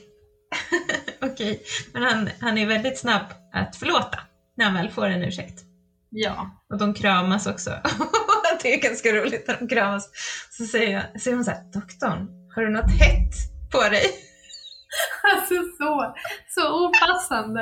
Alltså det är det som är roligt för jag tycker liksom att generellt sett så har ju inte de här personerna Alltså de har inte en sexuell energi, de kanske har någon slags romantisk energi ibland. Men Ja. just när man bara, okej. vad, vad är det här för varmt? Ja, någonting hot. Ja, men det var bara TARDIS-nyckeln som tur var, som tittade fram. Ehm, En varm nyckelvarv. Mm. En varm TARDIS-nyckel mellan kropparna. Ehm, och då blir han väldigt optimistisk och glad för att den är, det visar att nyckeln fortfarande är kopplad till TARDISen. Så den, alltså TARDISen har ju liksom på något sätt så lämnat kvar sitt, sitt skyddsskal och sen och försvunnit, så här, det inre typ har försvunnit någon annanstans. Mm. Men genom, det här är också så töntigt, eh, genom att han får ett batteri av någon och sin Sonic Screwdriver, då liksom så här på något sätt ska de generera så pass mycket energi så att de ska kunna få dit TARDISen. Ja, vilken tur att den här eh, pappan hade med sig sin jätte, jättestora telefon. Ja, Mobiltelefon från 87 så att det fanns ett superstort batteri. Kan ju inte tänka mig att det var kunna superbra batteritid på 80-talets mobiltelefoner men ja, det räckte för att liksom, tillkalla en TARDIS i alla fall. ja, nästan i alla fall. För den Mm. försöker ju materialisera sig där. Mm. Men eh, lyckas inte riktigt. Men nu, är, nu, är han, nu har han en massa idéer och han har energi och han, han står uppe i predikstolen och berättar för dem vad de får göra. De får absolut inte röra vid nyckeln för då blir det säp. Jag vet inte vad det är som kommer hända. De kanske till eh, aska eller någonting sånt där. Mm. Men under tiden så fortsätter ju Pete att fråga ut Rose om framtiden. Och man ser att han, ja, han börjar ju verkligen förstå så här att det är Mm. inte bara att hon är hans dotter utan hon är också där av en anledning. Hon kom, har inte kommit dit bara för att besöka 1987 av ingen anledning. Mm. Ehm, men han frågar också så här, är jag en bra pappa? Och det kan man ju tänka själv hur det skulle vara om man skulle träffa sitt vuxna barn helt plötsligt och kunna fråga så här, har jag varit en bra mamma till dig? Mm. Uh, jobbig fråga.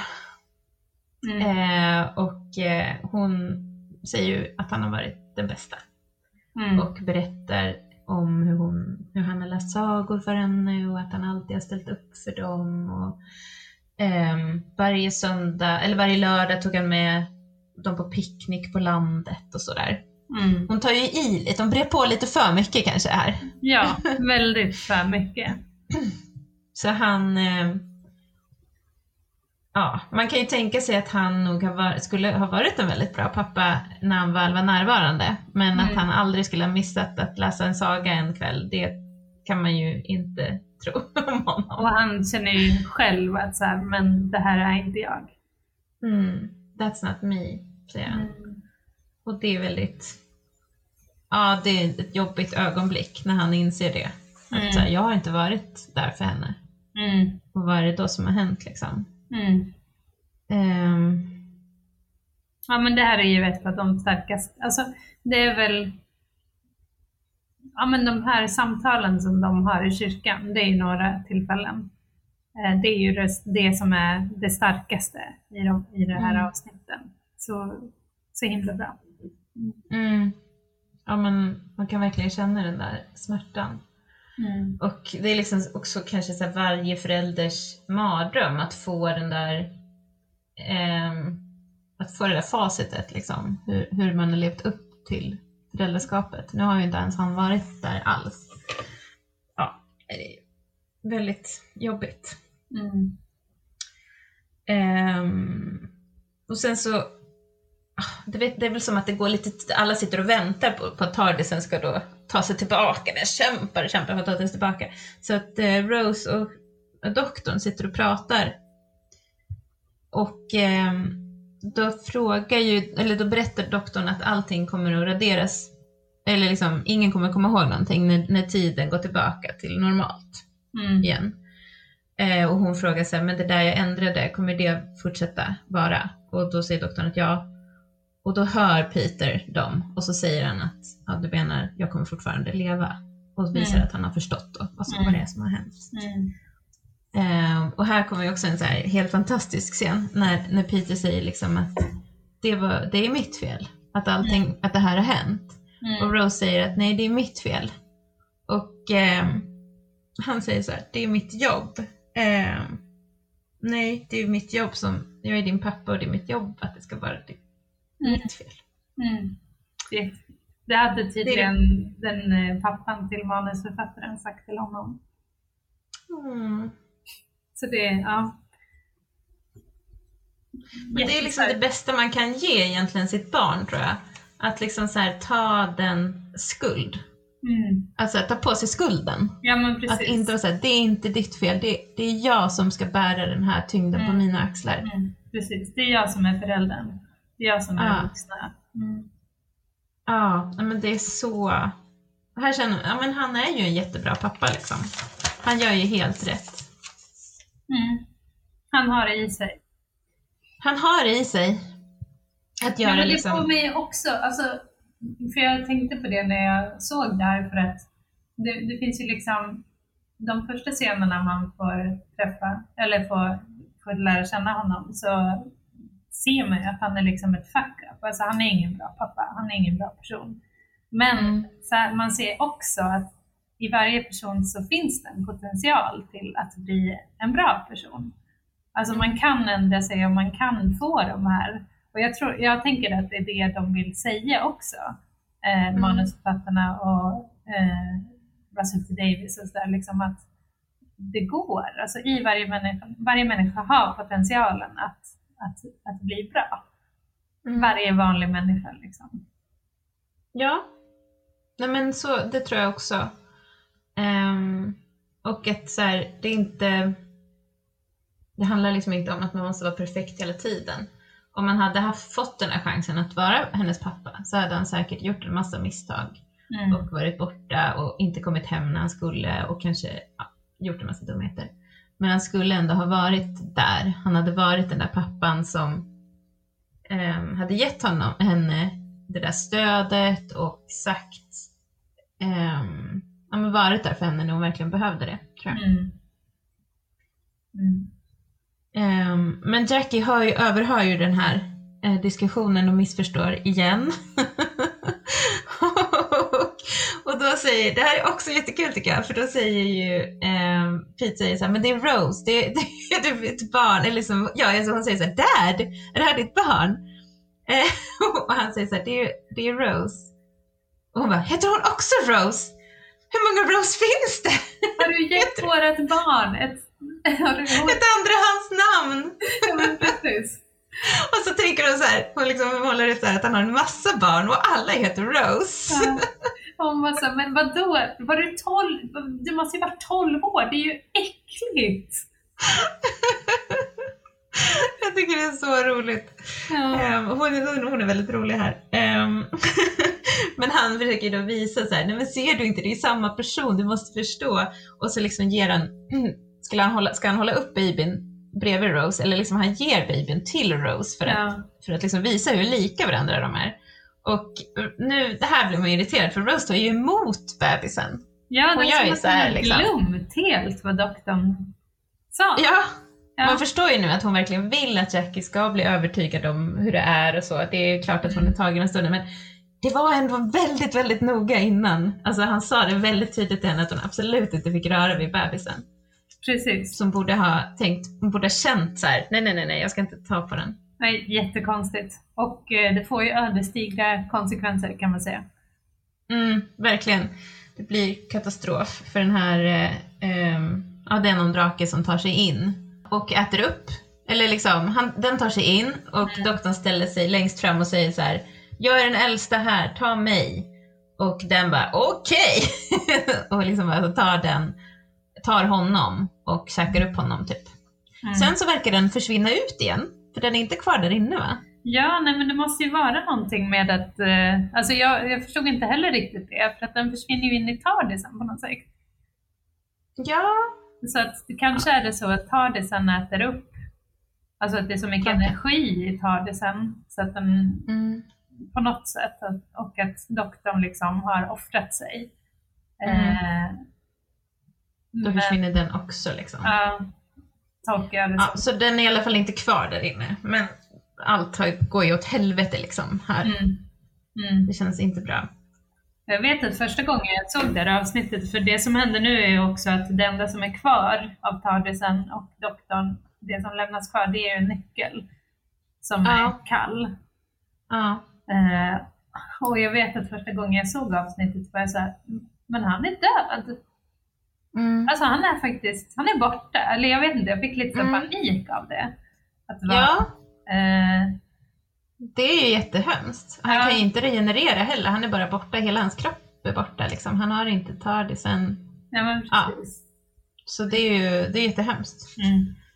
Ehm, och, och liksom, ja, Rose inser väl att hon, hon har offrat hela världen för sin pappa. Mm. Och inklusive doktorn. Mm. Ehm, men Pete förstår ju vad han måste göra. Mm. Så han eh, går ju då hjältemodigt ut för att möta sitt öde. Mm. Han säger också att doktorn förstod vad som behövde göras men han ville, han drog sig in i det sista för, att, för den lösningen för att han ville inte ta, han ville ju inte ta det beslutet liksom. Men nu Nej. kan jag göra det. Ja. Åh, åh gud, och det är så mycket här och när Jackie, när det går upp för henne att Rose är faktiskt hennes barn. Eh, man ser i hennes ögon hur de liksom blir så stora och varma och Mm. hon kramar Rose. Åh, det är Mm. så fin. Mm. Och alla kramas. Och Rose och Pete kramas och Jackie och, och, och Pete kysser varandra och det är väldigt så här. eh, Det är väldigt romantiskt. Mm. Och han säger så här, nu blir du äntligen av med mig och hon är så här, säg inte så liksom, för hon vill ju verkligen inte det såklart. Nej. Ja, det är mycket tårar. Mm. Och hon, han säger så här också att jag var aldrig där för dig, men nu kan jag ändå vara det. Till Rose. Ja. ja, det är starkt. Och han försöker verkligen se det positivt också, att så här, jag fick alla de här extra timmarna. Och det är ju Det är, det är, den enda, det, det, det, det är det ingen annan som har fått. Ehm, han försöker liksom vara den här bra personen Mm. som tar ansvar. Mm. Och säger också tack. Tack till honom, eller tack till Rose. Han säger så här, tack för att du räddade mig, säger han till Rose. Och det tänker Mm. jag också handlar, det är ju inte bara att hon rädd, räddade honom från bilen, utan det handlar ju också om att hon räddade honom ehm, ja, som person. Ja, Att han fick en chans till en personlig fick utveckling. växa. Ja, men att han fick växa som människa och att han fick bli pappa också. Så han har Ja, ju som sagt uppenbarligen inte vuxit in i den rollen eh, Nej. ännu när de träffas. Och ska man dö när ens barn är väldigt liten så finns det väl inget bättre än att få, i alla fall få träffa den, det barnet i några timmar som vuxen. Ja, och dessutom ha så väldigt fina stunder. Eller verkligen så här, ja. Mm. Så jag förstår att han, han säger tack, helt enkelt. Ja. Men nu är det bråttom, han måste ge sig ut och han måste också ge sig, kasta sig framför den där bilen innan någon av de här reapersen eller drakarna tar honom. Mm, För att de är ju också ute efter honom. mm, Och det blir liksom ett så här, musiken liksom når upp till ett crescendo och eh, dock, eller Rose står ju och tittar på när det här händer, när han blir, när han då kastar sig framför bilen och blir påkörd igen. mm. Och då kommer doktorn bakom henne. Mm. Så man förstår att så här, nu är det lagat. Nu Precis. är det liksom såret är helat. Skadan är helad. Ja, man blir väldigt lättad. Ja, Alltså det är det att det är liksom båda den här känslan att så här, man är kvar i att så här, åh, han har, pappan har offrat sig, han är död nu, det är så sorgligt. Och sen så kommer doktorn som man känner sig så här, åh, det är tillbaka. Alltså det är väldigt mycket känslor som mm. eh, ska få rum igen. Man kan ju nästan Ja. inte RBG. Jag förstår alla de här tårarna som bara Ja. strömmar ner för alla, allas kinder. ja. ja, och doktorn är så, han är så, nej men han är så compassionate, eller liksom hela hans, han är där verkligen för henne, han är en klippa liksom. Mm. känns det som. Och hon springer dit och, och är där med sin pappa i, i hans eh, sista stund. Och det är kanske en lite löjlig dödsscen, men det kan man väl ha överseende med efter en så bra, Ja men det ett så bra avsnitt. Och alla är tillbaka. Brudgummens pappa kommer ut och ja, man förstår att så här, världen är återställd. Ja.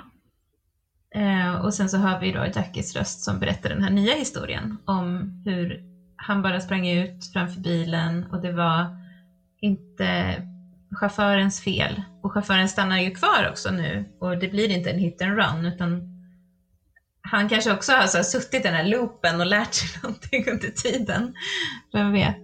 Men det blir ju inte samma eh, ja, det blir inte samma sår kvar, infekterade sår, utan någonting är helat. ja. Och de går tillbaka, Rose och doktorn tar varandras händer och går tillbaka till Tardisen. Mm. Och sen tar det slut väldigt abrupt Mm. faktiskt. Ja, Mm. men det är ett ganska koncentrerat avsnitt på det sättet att det är ju underbara några timmar och det är väldigt få miljöer. Ehm, och det är liksom den här, den här saken som händer. Jag tycker att det är, det, det är väldigt bra. Ja.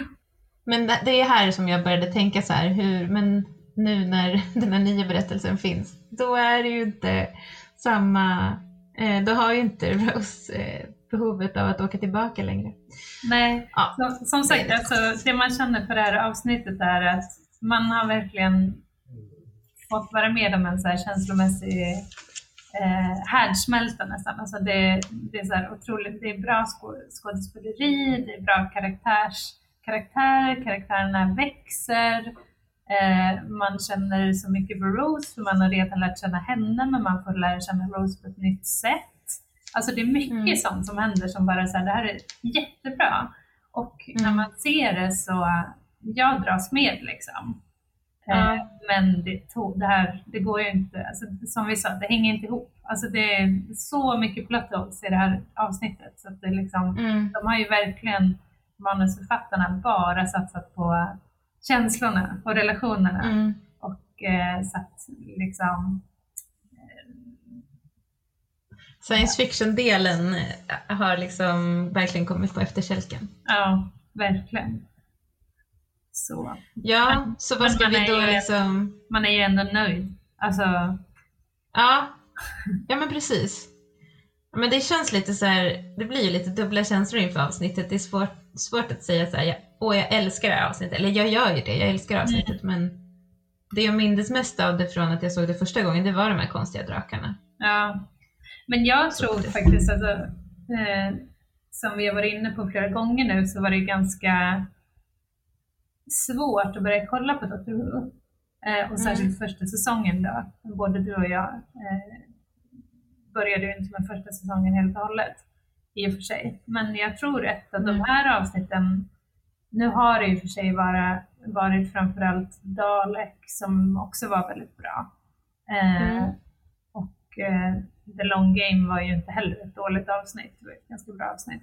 Men det här, jag tycker det bara blir bättre och bättre i säsong ett. Liksom. Ja, Alltså- och vi har ett avsnitt som kommer oss. här. Ja, som... Som inte är så dåligt. Nej, precis. Det är inte så dåligt. Nej. Ehm, ja, precis. Det lyfter ju här. Mm. kan man säga. Men det här är- avsnittet är ju liksom gjort för att vi ska börja, att vi ska få en fördjupad bild av, av Rose och hennes familj. Och, men jag tror att när jag såg det första gången så var jag inte riktigt med på det. Men jag tror också att jag var lite så här, äsch, jag måste bara ta, igen, ta mig igenom första säsongen och sen kommer det bli bra. Mm. Så jag liksom gav det inte en riktigt rimlig chans heller, som jag borde ha gjort. Nej. Men nu när man gör det så ser man ju hur mycket det finns där under ytan och hur mycket de faktiskt vill berätta. Mm. Eh, Så det... Återigen, det blir bara bättre och bättre ju, mer man, ju närmare man tittar på det. Ja, Förutom faktiskt. science fiction-delen som sagt. Ja. Men eh, ja, men med tanke på det så liksom, vi, vi, ska, vi brukar ju bedöma vad vi tycker liksom doktor, hur doktorn, hur bra han har tagit sig ur veckans knipa. Vad han ska få för poäng. Ja, igen. Jag vet inte alls. Ja, nej, återigen, inte så bra. Nej, men det, igen intrycket av doktorn som jag redan var inne på, att han är liksom, han gör fel val, han är tjurskallig, han liksom kan inte hantera Rose, eller hantera Rose, jag menar han kan inte liksom hantera sina känslor för Rose snarare än, det är ju, Nej. Rose är ju inte han att hantera. Jag borde verkligen ha lite bättre pli på henne tycker jag. Ja men precis, jag vill bara se åt den här på skarpen. Nej men Som han gjorde med Jackie. Ja men precis. Nej, nej men jag menar han han, han kan inte hantera sina känslor för henne helt enkelt.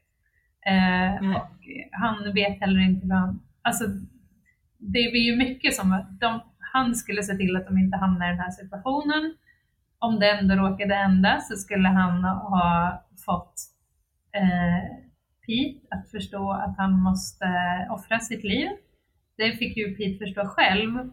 Och som vi pratade om i förra avsnittet så där så fick han ju ändå en annan person att växa och fick Mm. henne eh, eh, att liksom inse genom ett peppande prat att hon var viktig och så vidare. Men i det Mm. här avsnittet så det är ju Pete som gör det själv tillsammans med Mm. Rose. Doktorn har ju ingen roll i det överhuvudtaget. Nej. Han kanske fattar Nej, han håller sig ganska långt bort. Ja, det han gör, alltså han bidrar ju inte alls till, till någonting i det här avsnittet egentligen.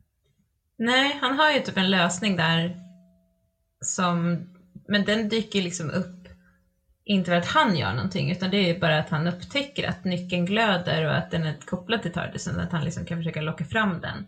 Så han Mm. försöker, och jag vet inte riktigt vad som skulle ha hänt om TARDISen hade kommit fram, hur han hade liksom kunnat rädda allting. Hade de åkt Nej, jag fick tiden riktigt- igen eller? Ja, jag fick intrycket typ att de bara skulle ta dem som var i kyrkan till en annan plats och rädda Mm, dem. Ja, fast han sa väl att han skulle så här, ställa allting till rätta, för de pratade om så här, sen när allting kommer ställas till rätta, då kommer alla glömma det här. Ja, Och så. som sagt, det är lite så här, svårt. väldigt plot convenient att de skulle glömma. Varför ska de göra det? Ja, Det är så konstigt. är det konstigt? Nej, men alltså den här, det, det är inte, det är väl en etta kanske? Ja, ja verkligen. Han ställer till problemet själv. Han lämnar också Rose för att göra det värre Mm. och sen så kommer han faktiskt inte på någon riktigt bra lösning. Han är ju liksom i, i vissa ögonblick i avsnittet ett känslomässigt stöd till henne på ett fint sätt. Men det är ju vad han gör och det är ju inte Mm. särskilt clever. Nej, det är inte hans. Det är inte det vi skulle bedöma just här. För det är Ja, den som det är eh, veckans, eh, eller liksom avsnittets hjälte. Den som fixar Mm. allt, det är ju Pete. Ja, det är det. Det, Är det får han ditt hedersomnämnande? Han får mitt hedersnämnande. Det finns liksom ingen annan person. Nej. Det, Ja, men om Eller? jag då så ska försöka lyfta fram så skulle jag vilja säga brudgummens far. Nej, jag skojar. Försöker verkligen anstränga mig. Nej, nej, men jag tycker ändå Rose också skulle kunna få ett hedersomnämnande för att hon hon ställer ju till det, det gör hon ju, men hon det hon gör Pete räddar ju allting. Han ser ju till att ställa, tillbaka, ställa allting tillbaka, det skulle ju inte Rose ha gjort. Men hon, det hon gör det är att hon ger ju honom den här nya chansen och en helt ny berättelse. Och det är ju hennes förtjänst att, att de läker det här såret. Och även för Jackie så blir det ju mycket bättre. mm. Så på det sättet så vill jag ändå ge mitt hedersomnämnande till henne. Ja, det, jag köper det också. Mm.